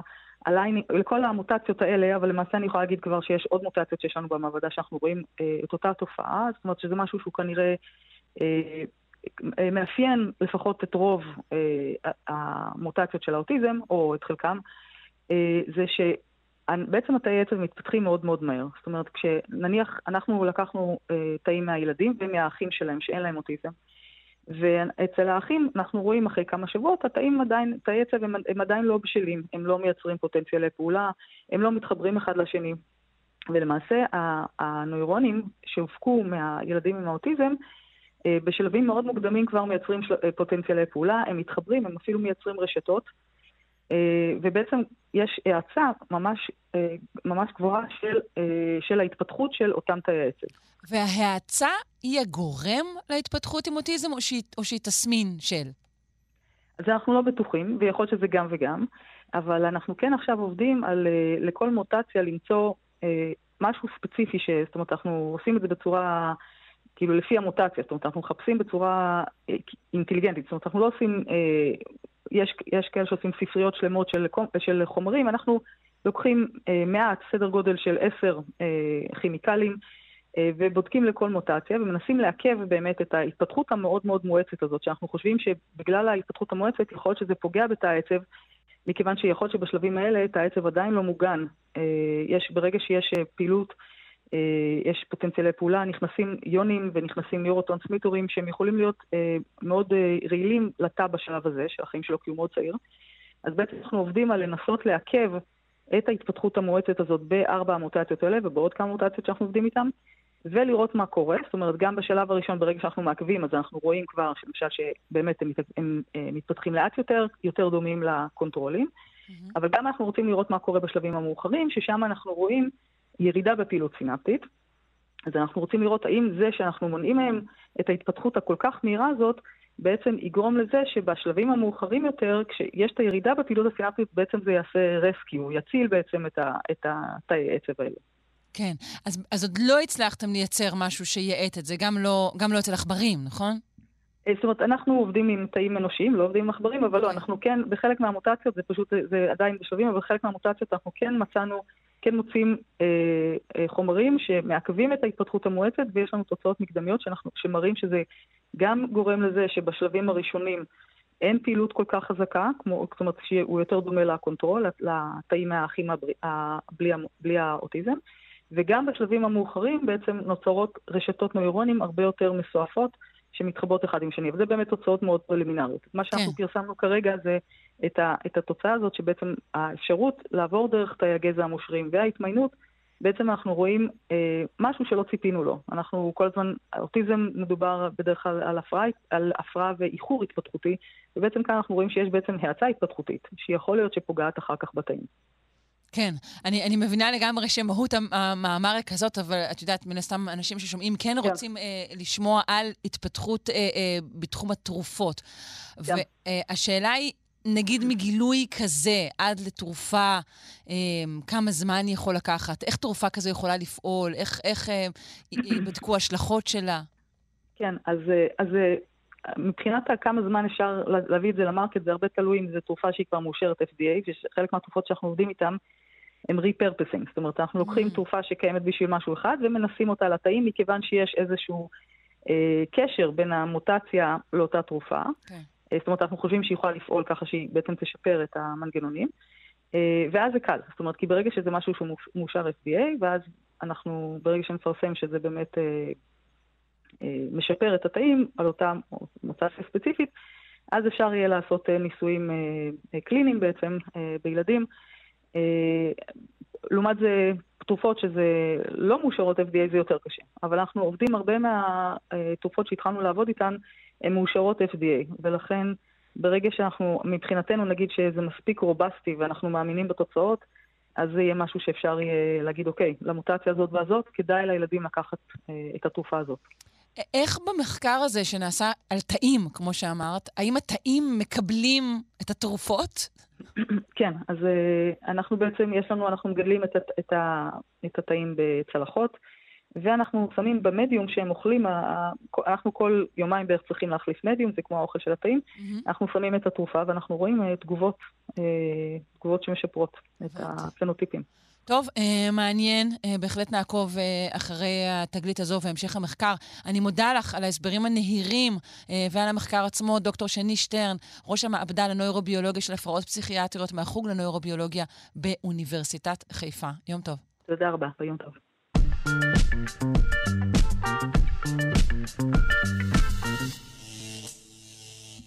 כעת אנחנו רוצים אה, ללמוד על הפקת חשמל מהאוויר, ואיך נוכל אה, להטעין כך את אה, מכשירינו החשמליים, המתרבים בקצב מסחרר. נפנה לפרופסור יואב יאיר, דיקן בית הספר לקיימות באוניברסיטת רייכמן וחוקר אטמוספירה וחלל. שלום, בוקר טוב. בוקר טוב, שרון. אז הפקת חשמל מהאוויר, איך? אנחנו הולכים לצוד ברקים? לא, זה לא לצוד ברקים, אלא לקצור חשמל שנישא על ידי מולקולות של אה, מים שנמצאות באוויר כעדים, וזה מחקר של קבוצת חוקרים מאוניברסיטת אה, מסצ'וסט, אמהרסט, בראשותו של פרופסור יאו, שעשתה ניסוי בחומרים פורוזיים, כלומר נקבוביים, והעבירו דרכם, דרך הננוטיובס האלה, אה, מים, וגילו שיש טעינה חשמלית. והטעינה הייתה משמעותית ומתמשכת והם ייחסו אותה לתכונות המגע של אדי המים, כלומר מולקולות המים, שחלקן ניטרליות, אבל חלקן גם נושאות איתן מטען חיובי או שלילי, בגלל הצמדת יונים שנמצאים באוויר. כלומר, הם גילו באמצעות העברת לחות שנמצאת כמעט בכל מקום בעולם, בשיעורים כאלה ואחרים, אם אנחנו מדברים על תל אביב באוגוסט או ביולי, אז אנחנו כולנו מכירים את הלחות הזאת, והלחות הזאת איננה ניטרלית, אלא נושאת איתה מטען חשמלי, שאפשר לקצור אותו על ידי מבנה הנדסי מיוחד אה, של חומרים ספציפיים, והם בדקו הרבה מאוד חומרים וכמעט כולם הביאו ליצירת אה, מתח חשמלי, שאפשר להפוך אותו לזרם, ובאמצעותו לטעון כל מיני מכשירים, אני לא יודע אם טלפון סלולרי בהכרח, אבל אה, החוקרים אה, רואים פה פוטנציאל לטעינה חשמלית בת קיימא, כך הם אמרו. איך הקציר הזה אה, מתבצע בעצם? איך מה מתבטא? אמרת שאנחנו נקצור חשמל, אה, השתמשת במינוח הזה. איך אה, בדיוק זה נעשה? הקציר, אוקיי, הבנתי. אה, טוב, תראי, ברגע שאת יוצרת איזה שהם, אה, בוא נניח, גיליונות או לוחות שעשויים מהחומרים הללו, והם התחילו אה, עם חומרים אה, ביולוגיים ועברו לצלולוזה, ואפשר לעשות את זה גם עם מתכות ועם חומרים אה, דיאלקטריים או מוליכים, אז אם את מעבירה באמצעות אה, למשל משאבה או מניפה כלשהי, אוויר לך על גבי הפלטפורמה הזאת, את אה, יוצרת מתח חשמלי, הפרש פוטנציאלים, שאפשר לתרגם אותו לזרם אה, חשמלי, למשל לחבר את זה לכל מיני סנסורים או גלאים או חלקים של רשת של אינטרנט אוף תינגס, כלומר הרשת של הדברים, שדורשים מתח קטן וזרם חלש לתפעול, כלומר אני לא חושב שנוכל להאיר פה מנורות או רחובות או אפילו אה, להסיע מכוניות חשמליות מהאוויר טעון החשמל הזה, אבל לדיווייסים, כלומר למתקנים שדורשים יחסית זרם נמוך, אפשר כאן יהיה לקצור את, ה, את החשמל שנמצא באוויר. עכשיו, אני רוצה לציין שהנושא הזה של אדי מים טעוני אה, מטען חשמלי הוא לא חדש. זהו, זה מאוד ותיק, נכון? למעשה כבר התגלה במאה ה-19 באופן אה, די אקראי ברכבת, או פועלי רכבת שעבדו עם דודי קיטור, שמו לב שכשהקיטור נפלט בלחץ מאיזשהו שסתום, אה, לפעמים יש ניצוצות חשמליים, גיצים חשמליים. והדבר פורסם ולקחו הרבה מאוד אה, שנים להבין מה קורה כאן, וההשערה היא כמובן שאדי המים נושאים איתם מטען חשמלי. אה, קבוצת חוקרים מאוניברסיטת תל אביב, אגב, עמיתי וחברי, פרופסור קולין פרייס, יחד עם הדוקטורטית שלו, ג'ודי לקס, אה, מנסים לעשות ניסויים דומים בלחות הקיימת בתל אביב בקיץ, או, על ידי... משאב, כן, על ידי- משאב שיש ממנו הרבה. כן, יש לא חסר, כמו שאמרתי, אה, והם גילו שבימים שבהם הלחות היחסית מעל 60 אחוז, אה, שזה שכיח מאוד אצלנו בקיץ, אפשר על ידי אה, שתי מתכות בעלות הרכב כימי שונה ליצור אולי הפרש פוטנציאלים קטן, אבל אה, מהשיחה שלי עם, עם ג'ודי דווקא בימים האחרונים, המתח הוא נמוך מדי מכדי ליצור איזשהו זרם משמעותי לטעינה של device כלשהו. בעוד שיאו והחוקרים מאוניברסיטת מסצ'וסטס מדדו בין 290 ל-550 מילי וולט, שזה מתח די נכבד, כן. וכאמור, כן, אפשר לקצור אותו באמצעים אה, אלקטרונים שונים, תלוי אה, למה אתה מייעד אותו. עכשיו, החוקרים עדיין לא יודעים עד הסוף, לאשורו של דבר, מה המנגנון הפיזיקלי שמתרחש כאן. האם אדי המים נספחים ועובדים כחלק מהתהליך, או שיש כאן איזושהי העברת מטען אל פני השטח של הננו חלקיקים או הננו טיובס האלה, ואחר כך המים ממשיכים בדרכם ללא עיבוד מסה. הם עשו ניסוי ובו הם הריצו באמת אה, אוויר טעון לחות על גבי משטח כזה פורוזי, נקבובי, במשך 110 שעות רצופות, בדקו את המשקל, האם באמת חלק מהמים נספח אל אותם חלקיקים, והסתבר שהמים משמשים רק מין תווך להעברת מטען חשמלי, אבל הם יוצאים אה, בחזרה ולא עובדים. זאת אומרת, יש כאן איזשהו, אני לא אגיד פרפטו מוביל, אבל איזשהו מנגנון מאוד אפקטיבי, שבו המים הם רק תווך להעברת מטען חשמלי, והם ממשיכים אחר כך דרך המדיום שאותו אנחנו אה, בונים, כן, אותו אה, מערך של אה, צינורות פורוזיים, ברמה של, אני רוצה להזכיר למאזינים, זה ננו-טיוב, זאת אומרת ב-10 במינוס 9 מטר, על פית המיקרון, מאוד מאוד דק, הרבה פחות משערה של אה, אדם, אז תלוי באיזה אפליקציות הנדסיות אנחנו רוצים, אבל יש לנו פה מקור לא אכזב, או כמו שהם אוהבים להשתמש, sustainable, בר קיימא, לחשמל אטמוספרי. זהו, אה, בהתחלה שאלתי אתכם, אנחנו הולכים אה, לאסוף אה, ברקים לצורך שימושנו, אמרת לי לא, אבל, אבל האם כן יש קשר לאופן שבו נוצרים ברקים באטמוספירה? אז כן, אבל באופן עקיף למדי, משום שאנחנו יודעים שעננים גדולים, מתרחשים בהם תהליכי הפרדת מטען מהסקאלה המיקרוסקופית, כלומר מולקולות מים, גבישי קרח, חלקיקי ברד, נטענים במטען חשמלי, פוגשים זה את זה, מתנפצים לרסיסים, והרסיסים הללו טעוני מטענים הפוכים, חיובי ושלילי, מופרדים בצורה מקרוסקופית על פני טווחים של מאות ואלפי מטרים זה מזה, ויוצרים מהן סוללה עצומה שמגיעה לערכים של אה, לפעמים מיליון וולט למטר. בניגוד למילי וולטים שמדדו החוקרים ממסצ'וסט, mm. בענני סערה בטבע אנחנו מודדים ערכים של מאות אלפי, לפעמים מיליוני וולט על מטר, והאוויר כידוע הוא חומר מבודד, אבל כשהוא נמצא בשדה חשמלי כל כך חזק הוא נפרץ ואז אנחנו מקבלים ברקים. הנקודה בלקצור את האנרגיה החשמלית העצומה הזאת, והיא באמת עצומה, ונמצאת כל הזמן אה, במערכות סערה, קצב הברקים הפלנטריים, אני חושב שדיברנו על זה פעם, זה 50 ברקים בשנייה, כל הזמן. אז יש המון המון אנרגיה שפשוט הולכת לאיבוד בצורת ברקים. ולא לא ניתן לקצור אותה? אותה? זהו. זהו. אז זאת השאלה, אני תמיד משתמש באנלוגיה, אם את זוכרת מהסרט אה, בחזרה לעתיד. בטח, ברור. רוב ההשכלה שלי בתחום נשענת על, הספר, על הסרט הזה, כן. בדיוק, הפגיעה של הברק בצריח של הכנסייה, שמאפשרת למרטי לטוס חזרה לשנת 1985 עם המכונית דלוריאן שלו, אז uh, זה קורה רק בסרטים כמובן, אבל אנחנו יכולים תיאורטית, באותם מקומות שאנחנו יודעים שהם מועדים להתרחשותה של סופות ברקים, לנסות לחשוב על, על מערך ש... יזמין ברקים ויפגע לפגיעה בקרקע, ואז לאצור את הזרם אה, האדיר שיכול כן, להגיע אלפי... זו הזמנה אלפי... מבוסתת כלשהי. זאת הזמנה מסוכנת, משום שאנחנו בינתיים עוד לא בנינו את הטכנולוגיה לאצור כזאת כמות של זרם חשמלי. אני מדבר על עשרות אלפי, כן. לא מאות אלפי אמפר. כלומר, הרבה מאוד מטען חשמלי שמגיע בזמן מאוד מאוד קצר, פחות מחצי שנייה. עוד אין לנו קבל גדול מספיק לאצור את, ה, את האנרגיה הזאת, וזה לג...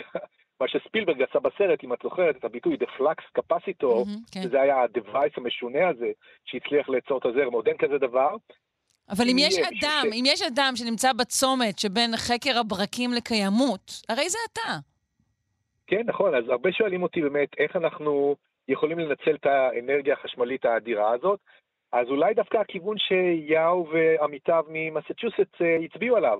לא צריך להיות uh, ראוותן לכמויות עצומות במכה אחת, אלא דווקא קציר כל פעם טיפין טיפין ממקורות uh, שנמצאים כל הזמן סביבנו, אנחנו לא צריכים לחכות לסערות ברקים דווקא, אלא אפשר מהלחות היחסית שקיימת באוויר, ובעיקר באזורי חוף סמוך לאוקיינוסים גדולים. כלומר, אנחנו יכולים לעשות את זה בכל מקום, לאו דווקא באזורים הטרופיים, עתירי הברקים, אלא בכל מקום שיש בו לחות יחסית אה, מספיקה, אפשר לקצור את החשמל מהאוויר. אנחנו, אני חושב, בכיוון מאוד מבטיח לפוטנציאל לשימושים, שוב, כמו שאמרתי, שימושים קטנים, כן. נמוך, כן. טוב, אתה נשמע אפילו יותר אופטימי מאשר המאמר עצמו, ואם יצא משהו טוב מהלחות של מישור החוף בישראל, הרי שזו בהחלט בשורה טובה. פרופסור יואב יאיר, דיקן בית הספר לקיימות באוניברסיטת רייכמן וחוקר אטמוספירה וחלל. תודה רבה, יום טוב. כן, כן, שרון, להתראות.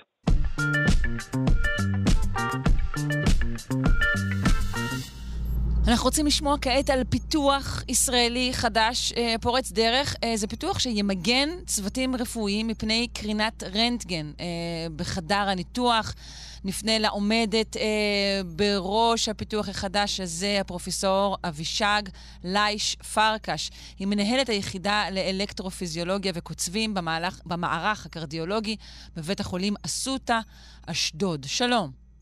שלום, שלום. אה, קודם כל בואי נדבר על הסכנות אה, שעומדות אה, בפני הצוות הרפואי בחדרי הניתוח. עד כמה הם חשופים לקרינה ועד כמה זה באמת מסוכן? אמ, אני עובדת אה, אה, באלקטרופיזיולוגיה, זו קרדיולוגיה פולשנית, משתילים קוצבים, אה, מבצעים צנתורים של הפרעות קצב, אבל גם תחומים אחרים בקרדיולוגיה וברפואה בכלל. הצוותים הרפואיים חשופים לקרינה מייננת שמסכנת אותם, מסכנת את הצוותים הרפואיים. אנחנו יודעים ממחקרים שזה יכול לגרום לפגיעות כמו קטרקט, כמו אה, אה, סרטנים, בעיקר סרטנים במוח, באזורים שבהם, אה, אה, בצד שבו המוח חשוף, הראש חשוף לקרינה. אבל ממה נפלטת הקרינה? הרי כשאנחנו עושים נגיד צילום רנטגן, אנשי הצוות הרפואי לא נמצאים בפנים. נכון, אבל אנחנו בזמן צנתורים, בזמן אה, פעולות של השתלות אה, של קוצבים, צנתורים של הפרעות קצב, אה, ו, אה, ויש תחומים נוספים ברפואה שחשופים במשך כל הפעולה לקרינה. אנחנו אמנם משתמשים בחלוקים, חלוקי עופרת, בכובעים ובמשקפיים ש, שעוזרים לסנן את הקרינה או להפחית את כמות הקרינה, ועדיין אנחנו חשופים כל יום לכמות אדירה של קרינה שמסכנת אותנו. ועם חלוקי העופרת האלה, אנחנו נחשפים לבעיות אורתופדיות, יש הרבה מצנתרים, אה, אלקטרופיזיולוגים שעומדים שעות ארוכות עם חלוק עופרת. בגלל שהוא כבד פשוט, נכון? אז הוא נכון, גורם לבעיות. נכון, כן. הוא, הוא גורם לבעיות כאלה, לפריצות דיסק וכולי. כלומר, גם יודעים... הקרינה עצמה גורמת לבעיות שציינת, בין היתר שכיחות של גידולים, קטרקט, וגם הציוד המגן גורם לבעיות. נכון. אה, וכאן מגיע הפיתוח החדש, אה, הניסוי הראשון שהסתיים, שאת מובילה אותו. בואי ספרי לנו עליו. אה, קודם כל החברה, ש... אה, זה פיתוח ישראלי, פרי אה, הייטק ישראלי, חברה שנקראת רדי אקשן, שפיתחה למעשה מערכת שחוסמת את הקרינה במוצאה. זו מערכת, שמול, מערכת של חיישנים ו, ומין צינור שצמוד למערכת הקרינה בחדרי הצנתורים או בחדרי הניתוח. אה, וחוסם את הקרינה ממש במוצא, במוצאה. היא מולבשת על ה-C-arm, על האזור שבו נפלטת הקרינה וחושפת אותנו הצוות הרפואי. אה, ו, אה, ולמעשה כך חוסמת את הקרינה. אבל הקרינה מגיעה ממקורות שונים. איך המערכת הזו מתלבשת על, על כל מיני מקורות? לא, הקרינה מופקת או, או מגיעה מאזור ה-CR, מהאזור, יש אזור ספציפי אחד שבו הקרינה, אה, אה, זה המוצא שלה, ואז mm-hmm. היא מתפזרת לכל okay. אוקיי. החדר. אה, והגדולה של, ה, של המערכת הרובוטית הזו היא שממש אה, אנחנו יכולים לפרוס אותה. אה, בזמן הצנתור או בזמן השתלות הקוצבים או ניתוח אחר, אה, ואז אה, למעשה חוסמת את הקרינה במוצא והיא לא מתפזרת לשאר החדר, ובכך היא מגינה גם על הצוות אה, של הרופאים, הרופאים שעושים את הצנתור למשל, וגם על האחיות, הצוות הנלווה, הרנטגנולוגים, כל מי שנמצא כל מי שנמצא בעצם בחדר. בחדר. אז, אז זה מיועד בעיקר לטיפולים אצלכם במחלקה, במחלקה הקרדיולוגית, נכון? אנחנו הראשונים שזה נכנס אליהם, אבל זה יהיה בעתיד וכרגע כבר אה, נערכים ניסויים במקומות אחרים, גם בתחומים אחרים ברפואה, כמו אה, אה, אנגיוגרפיה פולשנית, כל, כל מקצוע שבו יש חשיפה, שעובדים עם, עם מערכת של CR, עם מערכת של, של צילומים, של שיקופים, של רנטגן. בכל המערכות האלה אפשר להלביש את המערכת הרובוטית הזו על מקור הקרינה, על ה-C-arm. אה, אה, ולהשתמש בה בצורה מאוד מאוד נוחה. אה, בזמן, ה, בזמן הפעולה. מדהים. של, איך המחקר... בדיוק בדיוק היא עובדת? את יכולה להסביר לנו? שוב, צריך לראות את, ה, את התמונה של זה, אבל אנחנו פשוט פורסים אותה. היא מאוד נוחה, בניגוד לשאר מערכות ההגנה שיש לנו, כל מיני מסננים וכל מיני אה, חוסמי קרינה ודברים כאלה שנמצאים אה, ופיזית אה, חוסמים, זו מערכת שהיא ממש במוצאה ולכן אנחנו לא, לא צריכים היא נוחה לנו, היא לא מולבשת עלינו, כן. היא, היא קשורה למכשיר עצמו. אבל היא עשויה ולכן... מאותם החומרים, אני מתכוונת, שעשויים החוסמים שהשתמשתם בהם עד עכשיו? אה, בצורה מסוימת. אני יודעת שיש על זה, אה, שזה חלק מהפטנט, אה, אבל היא עשויה מ... אה, גם, גם אה, מעופרת, כמה שאני יודעת, אבל אני יודעת שיש שם אה, דברים נוספים, שוב, לא, לא אנחנו נשאר, אנחנו עשינו את זה. הסגסוגת הסודית, אוקיי. בדיוק, בדיוק. והגדולה היא מערכת החיישנים הזו שלא מפריעה לפעולה ולא מפריעה למטופל. אה, הניסוי שאנחנו ערכנו, המחקר הגדול שאנחנו, האמת ערכנו כמה מחקרים עוד בהתחלה בשלבי המעבדה, לראות את זה על פנטום, על דמות של על בובה בעצם. שם נערכו כל מחקרי הבסיס, ושם ראינו ירידה בחשיפה לקרינה בכל אזורי הגוף של האופרטורים ושל האנשים בצוות, של כל הצוות שנמצא בחדר. ראינו ירידה בחשיפה לקרינה של מעל 90 אחוז, לעומת מה שאנחנו חשופים כרגע.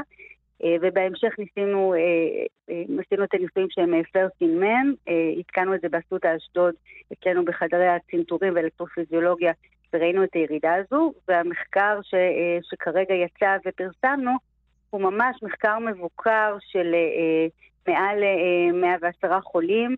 לקחנו קבוצה של, של מטופלים שעשינו להם צריבות, אבלציות של הפרעות קצב, השתלות קוצבים שונים.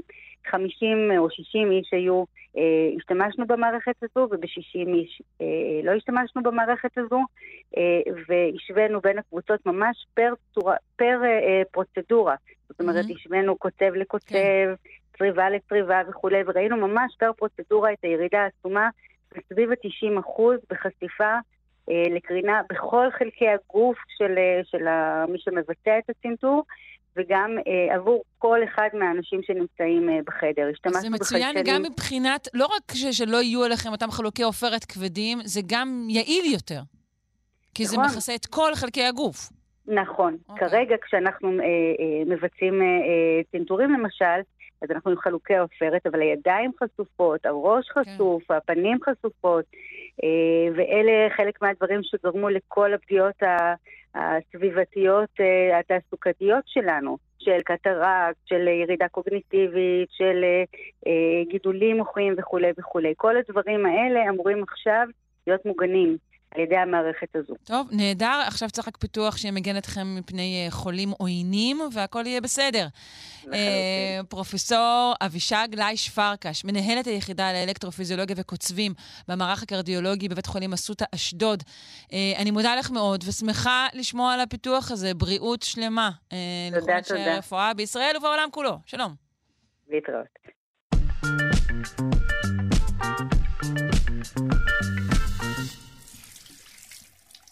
לפחות 45 אחוזים, כן? 45 אחוזים, לפחות, ממי הברז של ארצות הברית מזוהמים אה, בכימיקלי נצח רעילים, שוחחנו עליהם אה, בעבר. אה, אנחנו רוצים שוב להיזכר במי הם ומה הם, למה הם מגיעים למים, ובעיקר לשאול מה קורה כאן בארץ, אה, שכידוע, אה, כל דבר מאמריקה מגיע אלינו, טוב או רע. נפנה לדוקטור מאיה נגב, ראש התוכנית למנהל מערכות בריאות, בית הספר לבריאות הציבור באוניברסיטת חיפה. שלום. בוקר טוב. אז קודם כל, המחקר הזה הוא מפתיע? בעינייך האחוזים הגבוהים האלה? לצערי הוא לא מפתיע, אנחנו מדברים על PFAS, כימיקלים נצחיים שבעצם הומצאו על ידי האדם ומשמשים לשימושים שונים, אה, טובים ומגוונים, שתכף אני אוכל לתאר. אבל כשהתעשייה ממציאה כימיקלים, היא לא בודקת את ההשלכות הנלוות שלהם, ואחרי שימוש כל כך נרחב במשך כל כך הרבה שנים ב-PFAS, גם בארצות הברית, גם אצלנו בישראל, ונגיע לזה, זה לא מפתיע שהם נמצאים בסביבה, אה, בעיקר בגלל שהם כימיקלים שלא מתפרקים באופן טבעי, הם פשוט נסחים. אז איפה נמצאים אה, הכימיקלים האלו, PFAS? הכימיקלים אה, מיוצרים בתעשייה למגוון שימושים. אחד השימושים העיקריים הוא לקצף כיבוי. למשל, כשיש שריפת דלק, אנחנו רוצים לכבות אותה במהירות, אם יש נגיד בתעשייה או במכלי דלק, חוות דלק, קצף הכיבוי שמכבה אש ו, אה, וכבאים משתמשים בו מכיל טיפאס בגלל שהוא מכבה שריפות במהירות. אוקיי, okay, אבל כאילו, כמה, זה לא נשמע לי משהו שהוא בשימוש כה, תפ, כה תכוף שיגרום לכזאת רמה של זיהום. אז uh, למשל בחוות הדלק uh, במפרץ חיפה, ליד קריית חיים, מאחסנים כמויות מאוד מאוד גדולות של קצפי כיבוי גם ליתר ביטחון. לאורך השנים, במשך עשרות שנים, יכול להיות שגם יש חלחול מהמאגרים לתוך מי התהום, ובנוסף, בחוות דלק, בשדות תעופה, בסיסי אימונים של צה"ל, בעיקר חיל האוויר וכולי, לאורך כל השנים יש גם אימונים שמדמים שריפות ומשתמשים בקצפי כיבוי אמיתיים כדי להיערך, מה שבסך הכל נשמע הגיוני. אבל גם הזליגה דרך המאגרים וגם השימוש באימונים וגם עוד כל מיני סיבות גורמים לקצפי כיבוי לחלחל למי התהום שלנו. זה אבל, דבר אבל. לא מדובר, זהו, רק במערכות חירום. הפיפוס נמצאים נכון. גם בהרבה מאוד דברים שאנחנו משתמשים בהם ביום-יום שלנו, לא? בדיוק. אז לאורך השנים התגלה שפיפאס הם עמידים גם בפני שרפות, גם הם דוחים שמן, חום, מים, לחות וכתמים, והתחילו להשתמש בהם במוצרים שיש לכולנו בבית. למשל, מחבתות וסירי נון-סטיק, כמו טפלון, מכילים פיפאס כי הוא דוחה אה, שמן ומים, דברים לא נדבקים.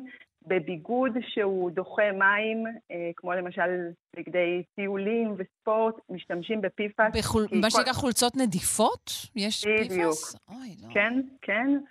וגם במזרונים שכתוב עליהם שהם עמידים בפני שרפות, בשטיחים שכתוב שהם עמידים בפני שרפות, אפילו בקוסמטיקה. כלומר, אנחנו מנסים לייצר, שוב, יעילות בצד ימין שלנו, באמת לא, לא לעלות באש במיטתנו, ובזמן הזה אנחנו משתמשים בכימיקלים שיוצרים מחלות. כן, יש לנו בעיה מובנית שהתעשייה כל הזמן רצה קדימה ומפתחת ומקדמת את המין האנושי, אבל לא עוצרת לבדוק את ההשלכות הלא צפויות של הכימיקלים שהיא ממציאה. יש היום כבר אלפי טיפס בשימוש. והמדענים, ככה, במרוץ אינסופי אחריה, כל הזמן מנסים להבין את המשמעויות לבריאות, ועד שהם מבינים אז הכימיקלים האלה כבר נמצאים בסביבה ובשימוש כן. נרחב, ואחר כך צריך לעשות רגולציה. אבל רגע, אנחנו, לא אנחנו, יודעים, בקצב. אבל אנחנו יודעים כבר כמה וכמה שנים אה, שהפיפס הוא מזיק. רק לא, לא מנינו את, את, את רשימת נזקיו, אני חושבת. אז ככה, הנזקים הידועים היום הם קודם כל עלייה במחלות לב וכלי דם, כולל עלייה בלחץ דם, כולסטרול, התקפי לב ושבת, פגיעה בהתפתחות העובר וגדילת תינוקות, בעצם חשיפה לפיפס של האם. אנחנו יודעים היום שהיא עוברת דרך השליה לעובר והיא גם מנבאת לידה מוקדמת או לידה במשקל נמוך, ואנחנו יודעים באופן כללי שתינוק שנולד במשקל נמוך אה, זה מנבא עיכובים בהתפתחות. חוץ מזה, יש גם ראיות מובהקות של סיכון מוגבר לסרטן, כליות, וגם ראיות לסרטן שד ואשכים, ופגיעה בתגובת המערכת החיסונית. למשל, אם מקבלים חיסון, האם המערכת מגיבה לחיסון בצורה טובה ומפעילה את הנוגדנים, וירידה בפוריות. כל אלה בגלל טיפה. Mm, ושוב, נגיד, אנשים שכרגע, בזמן השיחה, הם מוציאים מהבית את המחבטות שלהם ואת החולצות הנדיפות, ואולי גם, אני לא יודעת מה, קופסאות פלסטיק, קרטוני פיצה, כל הדברים אה, ש, שהחומר הזה שנמצא בהם, זה לא עוזר, כי כאמור, הדברים האלו מתפרקים ומגיעים למים. אז אנחנו צריכים לעשות כמה דברים. אנחנו גם צריכים להימנע בשימוש בדברים כאלה. למשל, אה, הזכרת את קרטוני הפיצה, אריזות הפופקורן, כל החד פעמי, הרי חד פעמי שקוראים לו מנייר. אם היית לוקחת נייר ועושה ממנו כוס, שמה במים, הייתה נוזלת, אז ברור שיש פה איזשהו חומר שדוחה כן, מים. משהו מצפה את הנייר הזה, חברים. זה לא סתם כוסות מנייר, איזה כיף. כוס מנייר, בואו נשתמש ונשליך אותה מיד. לא. נכון, אז באמת כדאי מאוד להעדיף כלי אוכל מזכוכית או מנירוסטה, ואגב, יש פה עוד רווח לסביבה, כי חד פעמי הוא מזיק גם לסביבה ולנו בעוד דרכים חוץ מפיפס. אם משתמשים במחבטות נונסטיק, אז מאוד חשוב שהן לא יהיו שרוטות. כשהן שרוטות, אז הפיפס יכול יותר לזרוק לאוכל. אז כף עץ, דברים באמת פשוטים, להימנע מקוסמטיקה שיכולים להיות בפיפס, ויש על זה מידע באינטרנט, אני יכולה לשלוח לכם קישור. להימנע מבגדים ושטיחים אבל למה זה מים. באינטרנט ולא על המוצר עצמו בגדול, אה, דוקטור נגב? זו השאלה. זו שאלה מצוינת, ועוד לא הגענו למים. נכון, ועוד לא הגענו למים. עכשיו, שהתחלתי לומר קודם, אה, לא כל הסכנות ידועות, כמו שאמרת, כי באמת הטכנולוגיה מתקדמת ואנשים רוצים את זה יותר חלקלק, יותר חד פעמי, יותר נדיף וכו', אבל סכנות רבות כבר כן ידועות מספר שנים, ומדינות רבות אה, חתמו על, על אמנות להפחתת שימוש, חלקן גם אה, באמת עורכות, את, אה, מבצעות תהליכים של הפחתת שימוש. איפה ישראל נמצאת בעניין הזה? לצערי הרב, ישראל אה, מפגרת אחרי העולם המפותח. לא ייתכן! סביבתית. הפתעה. אה, אפילו קיבלנו מזה, על זה נזיפה מה-OECD לפני מספר שבועות. אוי, זה בטח עשה רושם אדיר, כן. חתמנו על אמנת סטוקהולם שהיא למניעת כל מיני מזהמים שפיפס, חלק מהפיפס נמצאים באמנה, אבל לא אשררנו אותה כבר כמעט 20 שנה. אנחנו ממש המדינה האחרונה ב-OECD, אולי חוץ ממקסיקו, שלא אשררה, ולכן בעצם אין לנו רגולציה על PFAS. אה, אבל כן יש קצת התקדמות. אה, אה, את מתכוונת בהתקדמות, זה שנגיד שביטלו. שביטלו את המס על כלים חד פעמיים? על איזו התקדמות את מדברת? קודם כל, משרד הבריאות התחיל לדגום PFAS בישראל, ויש לנו נתונים, וגם התחיל לפעול בהתאם. מה, תני לנו כמה נתונים. נגיד, בדקו פה מים? בדקו פה מים, עשו שני סקרים, הראשון היה לפני בערך שנתיים. אני, חשוב לי לציין שמשרד הבריאות דגם בכוונה ליד מקומות שיש בהם סיכוי גבוה לפיפאס, ליד חוות המכלים, בקריית חיים, ברחובות, אה, בקיסריה, ליד אזורי תעשייה, ליד בסיסי חיל אוויר. אז מה שאני אגיד עכשיו הוא לא מייצג של כל המדינה. מתוך 122 קידוחים בסיכון גבוה, ב-25 נמצא פיפאס. ומתוכם נסגרו שלושה שבהם היה פיפאס ברמות שהן נחשבות גבוהות מ... כלומר, בחמישית בערך, בגסות, אה, היה פיפאס, ואת אומרת בחלק אה, קטן יותר היה זיהום ברמה גבוהה מאוד. נכון. השלושה שנסגרו הם בקריית חיים, ברחובות ובקיסריה. אחרי okay. אוקיי. שמשרד הבריאות גילה את זה, אז הוא יצא בסקר שני, שכבר יש בו 200 קידוחים, ובאמת אה, באזורים נוספים, ופה המצב יותר טוב. זאת אומרת, ממש עד אמצע יוני נדגמו 130 ומתוכה רק, בשבע, רק בשבעה היו קידוחים מזוהמים. זה אולי תמונה טיפה יותר מיוצגת, ובאמת חשוב להגיד שמשרד הבריאות כשהוא מוצא PFAS ברמות גבוהות הוא סוגר את הקידוח, וגם שמשרד הבריאות החליט לאמץ את התקנות של האיחוד האירופי המחמירות, אה, שייכנסו לתוקף באיחוד האירופי ובישראל באותו זמן בשנת 2026. אז בהקשר הזה יש עשייה. חשוב לי לציין שמי הברז בישראל ככלל הם באיכות טובה מאוד, וחשוב לשתות רק מי ברז, אני גם שותה רק מי ברז. זאת אומרת, אם מישהו חושב שהוא עכשיו יקנה מים, מה שנקרא מינרלים בבקבוקים ולא יהיה שם פיפס, אז אין לו שום ביסוס לטענה הזאת. זאת אומרת, מה שמוכרים לנו בבקבוק ביוקר, הוא לא בהכרח מכיל אה, פחות כימיקלים, לפעמים אפילו okay. אוקיי, הערה חשובה. אז כן להמשיך עם מי ברז, ומשרד הבריאות באמת בשנתיים האחרונות עשה צעד משמעותי בטיפול. עכשיו, לא שאני בעד uh, תרבות, התרבות הביטוחית ותרבות התביעות האמריקאית, אבל אני רק מציינת שקונצרנים שהשתמשו uh, ב-PFAS, בכימיקלים כאלה, משלמים די הרבה כסף על תביעות בתחום באמריקה, נכון? משלמים המון כסף. Mm-hmm. דרך מרתקת להכיר את הנושא היא סרט הוליוודי שנקרא פרשת המים, או Dark Waters, שיצא ב-2019, שמספר את הסיפור של חברת דופונט, שמייצרת את מחבטות הטפלון עד היום, ובעצם הרעילה, מסתבר ביודעין, אמ, את האזורים שבהם היו מפעלי התעשייה, זאת אומרת, הם ידעו שפיפס מסוכן לבריאות, הם הסתירו את זה, הם המשיכו להזרים את שפכי המפעלים לנהרות, הנהרות זיהמו את החוות ואת הפרות, זיהומים בקנה מידה היסטורי גם לבעלי חיים וגם לבני אדם, והיום הם מפצים את תושבי ההר, ארה"ב, במעל מיליארד דולר. באמת קשר okay. אוקיי. מוכח ותביעה משמעותית. אז לפעמים כן אה, חשוב אה, נכון. תביעות. ואם כבר הזכרנו משפט, אה, יש בג"ץ שדורש מהמשרד להגנת הסביבה להתמודד עם PFAS, עם הכימיקלים האלה, נכון? נכון מאוד. בדיוק לפני שבוע עתירה של עמותת אדם, טבע ודין נגד המשרד להגנת הסביבה.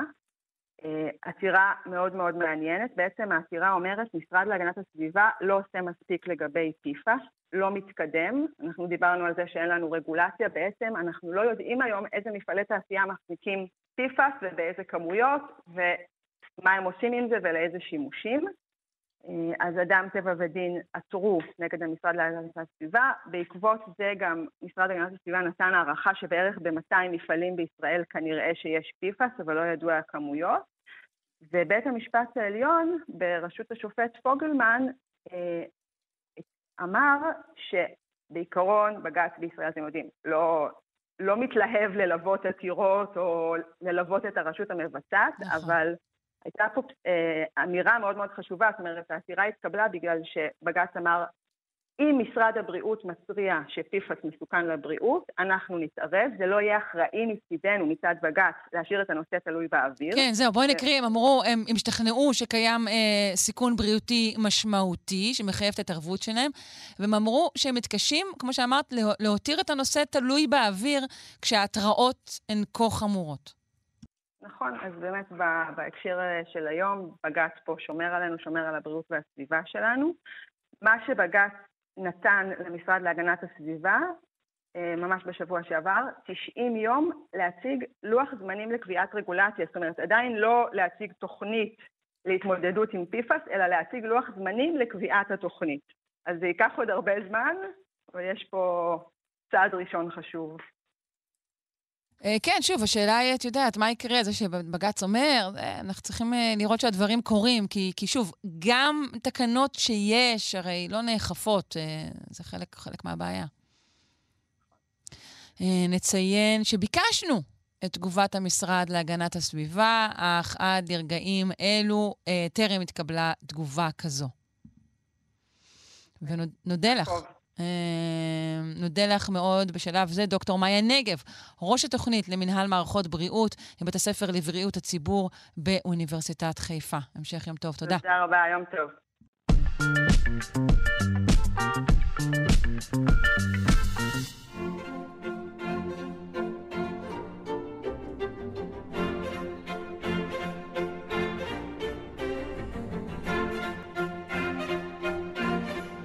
וזה כמובן האות המבשר את פינת האומנות של יונתן הירשפלד, צייר וכותב על אומנות, שלום. בוקר טוב שרון, ברוכה השבה. תודה, תודה. אה, אנחנו מדברים על חלומות עדיין, נכון? לא עברתם למשהו אחר בהיעדרי. לא, מה פתאום יופי, חלומות זה עולם שלם, וגם אה, אולי כשהמציאות היא כזו, עדיף להישאר בתוך חלום. תאמיני לי. ובאמת אנחנו היום עם ציירת ששווה להתעכב עליה, אולי אפילו נק... אני מעלה על דעתי את האפשרות להקדיש לה עוד פינה או שתיים. מה אתה אומר? פאולה רגו. מה זה פאולה רגו? זה מהרגע. מהרגו, היא מציירת ממש מהרגו. היא עדיין בחיים? כן. ילידת 1935 מליסבון, פורטוגלית. אה, היא צמחה בשנים שבהם כל האומנות הייתה מאוד מצ'ואיסטית וגברית כזה, ג'קסון פולוק, אני משפריץ עם המקל שלי, כזה, הכל כזה כפרברים, אה, כל התיאור כפרברי כזה ומופשט ואקספרסיבי וזה. והיא הביאה לתולדות האומנות משהו חדש, עם זיקות עזות לטקסט, עם זיקות לאיור, עם זיקות לשפה עשירה מאוד בהרמזים, בציטוטים מתולדות האומנות, בקריצות, ואת יכולה לתאר לעצמך מדוע אני אוהב אותה, כי ממה אני חי. מציירים שמציירים ציורים של אחרים, שמצטטים, שקורצים, שזורמים עם טקסטים. כל הרשת הסבוכה של ההיסטוריה של האומנות. חד כן. משמעית. והנה, וגם יש לה איזה סיפור ביוגרפי, היא הייתה, ההורים שלה לא כל כך תפקדו בתור הורים, אז גידלה עם הסבא והסבתא ותהילה בעולם וזה, ובציור שלפנינו, היא מציירת את סבא שלה שנרדם. האמת, זה קורה הרבה, אתה מסתכל על סבא שלך, הוא נרדם, כאילו, אנשים מבוגרים ממעטים. אפשר להאשים אותו, החיים מעייפים, בעיקר כשחם. אה, רק בשלב הזה אנחנו כהרגלנו פותחים את הסוגריים ומציינים שהציור הזה, אה, שנקרא חלום יוסף, נמצא בעמוד הפייסבוק כאן שלושה שיודעים. לא רק שהציור נמצא באתר הפייסבוק כאן שלושה שיודעים, הוא נמצא ביחד עם ציור של פיליפ דה שמפיין מראשית המאה ה-17. אה, צייר של הברוק הצרפתי, שבתיאור הזה אנחנו רואים עוד חלום של עוד יוסף, שזה יוסף הנגר, אבא של ישו. Mm. שבציור אה, שפאולה רגו מציירת את סבא שלה נרדם, היא מלהקת אותו, הייתי אומר, לתפקיד יוסף אבא של ישו. והופכת את החלום היומיומי שלו, את החלום הפרוזאי, את ההירדמות הפרוזאית של סבא בסלון, לאירוע תמיר, נשגב, סודי, מלא אה, ביפעה והוד והדר וקדושה. רגע, של... איפה אתה רואה את כל היפעה ואת ההוד והדר? או. מה שאנחנו רואים זה כן. אה, אישה שאפשר להגיד, אה, אתה יודע, אנחנו בינינו אפשר להגיד הכל, עכוזה, מרופד ועדשן, אה, מונח רגע, על רגע, שרפרף. רגע, רגע, אם אמרת את זה, בוא נפתח את זה. בוא נפתח את זה. בוא נפתח את זה, כן. את זה. את אומרת עכוזה, מרופד ועדשן. שימי לב איך גברים מציירים את עצמם כשהם מציירים את עצמם מציירים. איך צייר מצייר את עצמו צייר, עומד, זקוף, מישיר מבט, כמו בפרסומת לבושם, כאילו הוא דוגמן, ומחזיק את המכחולים באיזה אופן פאלי, ויש איזה אה, תיאטרון שלם של הגברבריות הציירית. אנחנו, כאילו הגברבר מצייר אולי את, את הייצוג של הצייר, אבל כאן היא מציירת ממש את, את, את, את, את, אותה עצמה, את הבשר עצמו. ממש, ממש. כל כך יפה איך היא מציירת את עצמה כפופה. אם הגן פונה אלינו, וככה היא ככה אישה אהבת בשר כזאת, איזה מאמה כזאת, והיא מציירת כמו באופן פרולטרי, אבל מה הציור שהיא מציירת?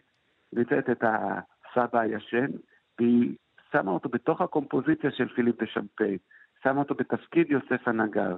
היא הופכת את Mm. היומיומי לדתי ונשגב. אוקיי, אנחנו רואים שעל הרצפה גם מונחות כבר כמה סקיצות שנזנחו, נכון? לגמרי. ואני חושב, אני חושב ש... אה, תראי, מדוע האלוהים והנשגב והרוחני מגיע בחלום? כי אני חושב שאפשר לחשוב על האישיות שלנו כמו מים וכוס. אם הכוס מלאה באישיות שלנו, אז כלום לא יכול להיכנס. לא יכול להיכנס אלוהים, לא יכול להיכנס הנשגב, כלום. אבל מה קורה לנביא? למה הנביא הוא קצת כמו משוגע? כי קצת נשפך לו קצת מהמים של האישיות. וכשאתה ישן, או כשאתה על סמים, או אה, חומרים פסיכואקטיביים, אז יש לך פחות מהאני שלך שממלא את כל הכוס. והקוסמוס האלוהי יכול להיכנס. ולכן חלומות, כן, הנושא שלנו הוא חלומות, חלומות הם אתר של הרוחני, של האלוהי, והיא מנצלת את זה להסביר לנו גם על תפקידה של האומנות, שאומנות צובעת את היומיומי, והאפור והפרוזאי בצבעים של הנשגב והרוחני והמקסים. זה יפה מאוד מה שאתה אומר, יונתן. לא, לא שזה מפתיע אותי, אבל, אבל זה יפה. אנחנו uh, מיד מבקשים uh, לרוקן מעט את uh, מוחנו ואת נפשנו כדי לתת uh, לאלוהי ולנשגב uh, לקנות שם איזו שביתה. Uh, אז אני מודה לך מאוד על עוד uh, פינה נפלאה. יונתן הירשפלד, צייר וכותב על אומנות. Uh, המשך לחלום, תודה רבה. תודה לך, ביי ביי. עד כאן שעתיים שלנו. שלושה שיודעים, מקווה מאוד שנהניתם, מוזמנים להישאר כאן לשעתיים של גם כן תרבות עם גואל פינטו. ערכה אותנו אלכס לויקר, על ההפקה, טל ניסן ועמרי קפלן, על הביצוע הטכני דימה קרנצוב. אני שרון קנטור, מאחלת לכם המשך יום סביר וקריר. בשמחה שובה